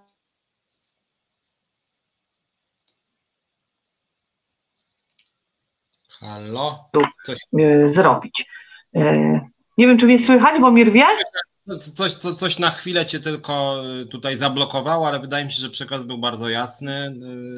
Halo, czy mnie słychać? Teraz słychać, tak. A ty mnie słyszysz? Coś się waha. To może ja powiem dwa zdania, o Ilona na chwilę wyrzuciła, myślę, że zaraz wróci. E, więc tylko powtórzę może swoimi słowami to, co Ilona powiedziała i odnosząc się też do Waszych wątpliwości. Naszym zdaniem negocjacje cały czas trwają, są prowadzone. E, będziemy je prowadzić do skutku. Jeżeli pracodawca obecnie e, wypłaci te 600 zł, prawdopodobnie tak właśnie będzie, że lada dzień te pieniądze będą wypłacone pracownikom, no to my oczywiście będziemy jako jedyny związek zawodowy, który nie podpisał porozumienia, będzie prowadzić prowadził negocjacje dalej. Będziemy naciskać, żeby pracodawca z nami się spotkał i podniósł te wynagrodzenia i żeby te związki zawodowe wróciły do e, stołu negocjacyjnego. E, natomiast my przypominamy, jesteśmy w sporze zbiorowym. E, ten spór zbiorowy, jak chodzi o warunki płacowe, dotyczy kwoty 60% wynagrodzenia zasadniczego na pracownika. W związku z tym my będziemy e, tutaj naciskać, żeby te nasze oczekiwania były spełnione. Ilona powiedziała o wrześniu, z tego względu, że te negocjacje pewnie jeszcze trochę się potoczą. Chcielibyśmy wiedzieć, jak się skończy cała ta mm, sytuacja, czy cała to nazwijmy to w cudzysłowie, czy bez awantura. No i cóż, i wrócimy we wrześniu. Czy przypuszczamy, że jeszcze w lipcu te środki, te 600 zł jednak będą wypłacone, bo pracodawca wie, że musi je tak naprawdę wypłacić. Jeżeli by ich nie wypłacił, to tak jak powiedziałem, byłoby właściwie dla nas korzystne o tyle, że wrócilibyśmy do stołu obrad i byśmy chcieli wynegocjować więcej dla pracowników konsekwentnie. Natomiast, natomiast, natomiast plan jest taki, że yy, przypuszczamy, że po tej wypłacie teraz 600 zł i mówię to wprost, mówimy to szczerze, e, e, przypuszczamy, że we wrześniu pracownicy, duża część też związków zawodowych, która teraz naciska na zawarcie tego porozumienia, zobaczy, że te 600 zł brutto to jest kwota bardzo niska i wtedy pracownicy sami zaczną żądać, żeby ponownie przystąpić do rozmów. Przypuszczam, że pani Uścińska wtedy nie będzie chciała rozmawiać e, i wtedy naszym zdaniem warto byłoby rzeczywiście zacząć grać nieco ostrzej, dlatego mówimy o referendum strajkowym, o akcjach protestacyjnych. E, będziemy naciskać na nowe e, rozmowy no, w celu zrealizowania e, naszych postulatów zespołu zbiorowego, czyli 60%. Natomiast cały czas widzę, że wy piszecie o tym artykule 27. Dawid Żeromski, więc powtarzam panu, czy w pana analizie prawnej dostrzega pan, że zgodnie z artykułem 27 ustawy o związkach pracodawca ma uzgodnić podział środków, a nie uzyskać zgodę na wypłatę? Co to znaczy uzgodnić? Czy pojęcie uzgodnienia Pana zdaniem oznacza, że wszyscy mają e, podpisać dokument? Nie ma tam nic o podpisie. Nie ma też napisane, że e, wypłata środków zamyka jakiekolwiek e, inne roszczenia. W związku z tym my po prostu uważamy, że to porozumienie tak zwane jest niekorzystne dla pracowników, natomiast nie mamy nic przeciwko temu, żeby pracodawca je wypłacił, więc w tym sensie zgadzamy się na to. Zgadzamy się na, na tą wypłatę, którą, która została uzgodniona przez związki, natomiast nie podpiszemy porozumienia, bo naszym zdaniem porozumienie zamyka negocjacje po prostu, a my uważamy, że negocjacje nie zostały zamknięte. A, a negocjacje, powtarzam, zamknął pracodawca. Zamknął pracodawca, ponieważ nie chciał z nami po prostu dalej rozmawiać i wydaje mi się, że to zostało przeze mnie e, dosyć e, jasno powiedziane i trudno mi zrozumieć, dlaczego Państwo wciąż powielacie tą narrację pracodawcy. E, pracodawcy, który, ja nie wiem, czy Wy tego nie widzicie, że pracodawca chciał wykorzystać tą całą awanturę, żeby osłabić nasz związek zawodowy, żeby de facto go zlikwidować, żebyśmy podpisali porozumienie, żeby byłoby odfajkowane. W ZUS-ie jest spokój społeczny, mamy święty spokój za 600 zł brutto. My nie podpisaliśmy i dlatego teraz pracodawca próbuje zdezawuować nas, i mówię to do pracowników i pracownic ZUS-u, którzy nas oglądają, próbuje zdezawuować nas w oczach pracowników, wmawianiem wszystkim pracownikom, że to od nas zależy wypłata tych pieniędzy, więc ja powtarzam już chyba po raz trzynasty. Nie od nas należy, zależy wypłata środków. My zgadzamy się na wypłatę tych środków, środki wypłaca pracodawca. Więc jak ktokolwiek mówi o jakichś pozwach cywilnych, o jakichś skargach, to niech się skarży pracodawcy, więc nawet żółte związki zawodowe, e, OPZZ czy Solidarność, wiedzą, że to nie my i dlatego grożą prokuraturą pracodawcy, a nie nam. W związku z tym naprawdę radziłbym ludzie ogarnijcie się trochę, ci, którzy nas tutaj krytykują pod jakimiś dziwnymi nikami. E, e, to nie my odpowiadamy za wypłatę środków. Więc, więc, więc e, tu rzeczywiście e, trudno nam coś więcej dodać. Czekamy, aż zarząd ZUS-u wypłaci te środki. Czy zarząd ZETA został wybrany? Oczywiście został wybrany. Ja nie wiem. Są jakieś, ja, ja jednak prosiłbym naprawdę, że jeżeli są pracownicy ZUS-u, to ja bym prosił, żebyście się naprawdę podpisywali z imienia i nazwiska. Jak chodzi o pracowników ZUS-u, bo ja nie wiem, kogo wy reprezentujecie, my z Iloną nie ukrywamy nic, natomiast tutaj padają jakieś dziwne bardzo pytania. Czy pracodawca nie uzgodnił podziału ze związkami? Znowu się pan pyta. Pracodawca negocjował, natomiast nam po prostu nie odpowiada kwota. Jak powiedziałem, jeżeli pracodawca chce wypłacić tego typu środki, to niech wypłaca. Natomiast naszym zdaniem, szczególnie oczywiście mamy tutaj e, na myśli e, tą kwotę e, wynagrodzenia zasadniczego, to jest za mało. To jest po prostu za mało i uważamy, że powinno być więcej. Jeżeli pracodawca by dał 900 na 300, to wtedy byśmy mogli podpisać. No, natomiast, natomiast 600 na 300 po prostu nie. E, w związku z tym tutaj, tutaj nasze stanowisko jest, e, jest jasne. E, I trudno nam też zrozumieć, i mi jest trudno zrozumieć, że niektórzy tutaj piszą, że, że my zawsze będziemy chcieli więcej. Czy wy naprawdę w sytuacji, kiedy inflacja przekracza 15%, a zdaniem ekonomistów ma wkrótce przekroczyć 18%, uważacie, że podwyżka o 600 zł brutto to rzeczywiście jest zaspokojenie roszczeń i to jest naprawdę tak bardzo dużo i jak ktoś chce więcej, to chce jakoś strasznie dużo. Ja to sobie nawet teraz, jak Ilona mówiła, e, trochę liczyłem. Nie wiem, czy wiecie, inflacja e, cały czas jeszcze jest na stole, ona może być, e, przepraszam, płaca minimalna jest na stole i może być wyższa. Natomiast zgodnie z ustawą przyszłoroczna płaca minimalna prawdopodobnie już w styczniu będzie w granicach 3,5 tysiąca złotych. 3,5 tysiąca złotych i to wcale nie jest dużo, żeby było jasne. 3,5 tysiąca złotych, czyli, czyli płaca minimalna wzrośnie o blisko 500 złotych, a w lipcu jeszcze będzie raz waloryzowana i to będzie ponad 500 złotych. I, I wy sugerujecie, że jeżeli w ZUS-ie wzrośnie o 100 złotych więcej, to jest korzystne, e, to jest korzystne rozwiązanie. Nie wiem, czy słyszeliście, bo rząd już bardzo głośno o tym mówi, że, e, że wynagrodzenia w budżetówce w przyszłym roku, zdaniem rządu, mają wzrosnąć o 7,8. 7,8. Czyli co to oznacza dla pracowników ZUS-u? Że dostaniecie podwyżki około 300 zł brutto. 300 zł brutto to będzie propozycja na stole ze strony, ze strony e, ministerstwa, ze strony rządu. E, mniej niż 10%, chociaż inflacja obecnie jest już prawie 16% i nic nie wskazuje na to, żeby ta inflacja miała się zmniejszyć. W związku z tym, w związku z tym naprawdę ja się dziwię, że, że, że jest, nie wiem, czy jesteście przyzwyczajeni, że pracodawca was nie szanuje 7,8%. W związku z tym no, jestem zdumiony. Wracając jeszcze, bo zaraz będziemy musieli skończyć, więc chciałbym Wam tylko podsumować. Jeżeli ktoś naprawdę uważa, że te pieniądze nie będą wypłacone, energie znikną, znikną, to ja Wam chciałem powiedzieć, pieniądze dla Zakładu Ubezpieczeń Społecznych płyną bezpośrednio z budżetu. ZUS nie jest e, spółką Skarbu Państwa, ZUS nie jest jakąś firmą. ZUS jest bezpośrednio, bezpośrednio finansowany z budżetu, nie z środków własnych, z budżetu państwa.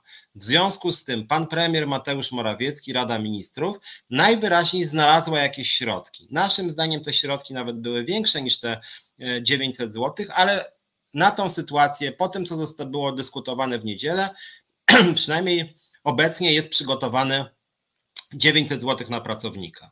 I co, i wy uważacie, że te pieniądze wrócą? Bo Garczyńska czegoś nie podpisała? Zapewniam Was, te pieniądze nie wrócą. Te pieniądze są zagwarantowane, one muszą być wypłacone, muszą być wypłacone. Więc naprawdę myślę, że powinniście się też trochę ogarnąć i zacząć żądać od pracodawcy, a nie żądać od nas. Czy nie można podpisać zastrzegając, że nie wyczerpuje roszczeń? Marcinie, myśmy w locie to przerabiali. W momencie, kiedy związek w lipcu, w lipcu podpisuje porozumienie, porozumienie, to jest mocne słowo porozumienie, zgadza się z pracodawcą. Nie ma żadnych więcej rozmów. Oczywiście, że jest tak, że w tym porozumieniu będzie, nie, nie będzie wpisane, bo nikt nie może zakazać związkom żądania więcej. Ale w momencie, kiedy związki porozumiewają się z pracodawcą, to jest bardzo jasny sygnał. Jesteśmy dogadani. A my mówimy tak, wypłaćcie te 600 zł, ale nie jesteśmy dogadani. I to jest nasza jedyna różnica z pozostałymi związkami zawodowymi, że my się zgadzamy na wypłatę tych pieniędzy, i uważamy, że trzeba być się o więcej. I dlatego mówimy, że na chwilę obecną jesteśmy przy stole negocjacyjnym. Prosimy o 600 zł, bierzemy oddech i spotykamy się pojutrze celem dodania na przykład 300 zł jeszcze y, podwyżki wynagrodzenia zasadniczego. Czy to jest naprawdę takie mało zrozumiałe? I tu słusznie niektórzy pracownicy piszą. Część uznaniowa to jest w ogóle jakieś trochę kuriozum, że ona jest tak duża też. Gdybyśmy żyli w uczciwym kraju, w którym wszystko działa prawidłowo i rzeczywiście na przykład część uznaniowa jest w oparciu o jakieś kryteria i właśnie nie jest w pełni uznaniowa, że dostają pracownicy na przykład, no nie wiem, którzy mają szczególnie dużo pracy, czy którzy mało zarabiają, proszę bardzo. Ale wiemy, że to jest tak w ZUS-ie od lat, od lat, że znajomi, przyjaciele, kochankowie, nominaci partyjni dostają i my się na to po prostu nie zgadzamy. No dobra, wiecie co, musimy kończyć. E, Ilone, e, Ilone wyrzuciło 10 minut przed końcem programu, ale sytuacja jest jasna. My negocjujemy dalej. Referendum prawdopodobnie strajkowe zrobimy we wrześniu, chyba że pracodawca e, przedstawi jakieś godne warunki pracy, no co po cichu też liczymy. I druga sprawa, czy trzecia. Naprawdę nie lekceważcie, naprawdę nie lekceważcie tego, że pracownik został zwolniony dyscyplinarnie z pracy. Ja się dziwię bardzo. Jest to moim zdaniem okrutne, że część z Was pisze, że Ilona to walczy o siebie. Jak ona walczy o siebie? Ona walcząc o was została zwolniona dyscyplinarnie. Za to, że walczyła o was, została zwolniona dyscyplinarnie. I to nie było przyjemne być zwolnionym dyscyplinarnie. Jak ktoś uważa, że fajne jest być zwolnionym dyscyplinarnie, to przepraszam, jest idiotą po prostu. I naprawdę to, że inne związki, nawet jeśli nie zająknęły, że naszą koleżankę wyrzucono za walkę o prawa pracownicze, to moim zdaniem jest haniebne. I my będziemy też walczyć o Ilony. Jak uważacie, że to jest egoistyczne, Proszę bardzo, uważajcie, że to jest egoistyczne. Taka jest decyzja naszego związku, taka jest decyzja również władz centralnych. I tyle po prostu. Dobra, bardzo Wam dziękuję. Widzimy się i słyszymy za tydzień. E, Ilona pewnie też wpadnie do mnie do programu i zaproszę też tutaj, myślę, za tydzień przedstawiciela naszego związku w koło brzegu kierowców i zobaczycie, że naprawdę te 600 zł, które się negocjuje e, w ZUS-ie, czy nawet nasze 800, 900 czy 1000, to jest naprawdę wcale nie tak dużo, bo ci kierowcy chcą naprawdę dużo, dużo więcej i sugeruję pracownikom ZUS-u, żeby razem z nami naprawdę walczyli o dużo, dużo więcej, tak jak myśmy wyjściowo powiedzieli 60% i naszym zdaniem to jest uczciwa propozycja. Bardzo Wam dziękuję i do usłyszenia.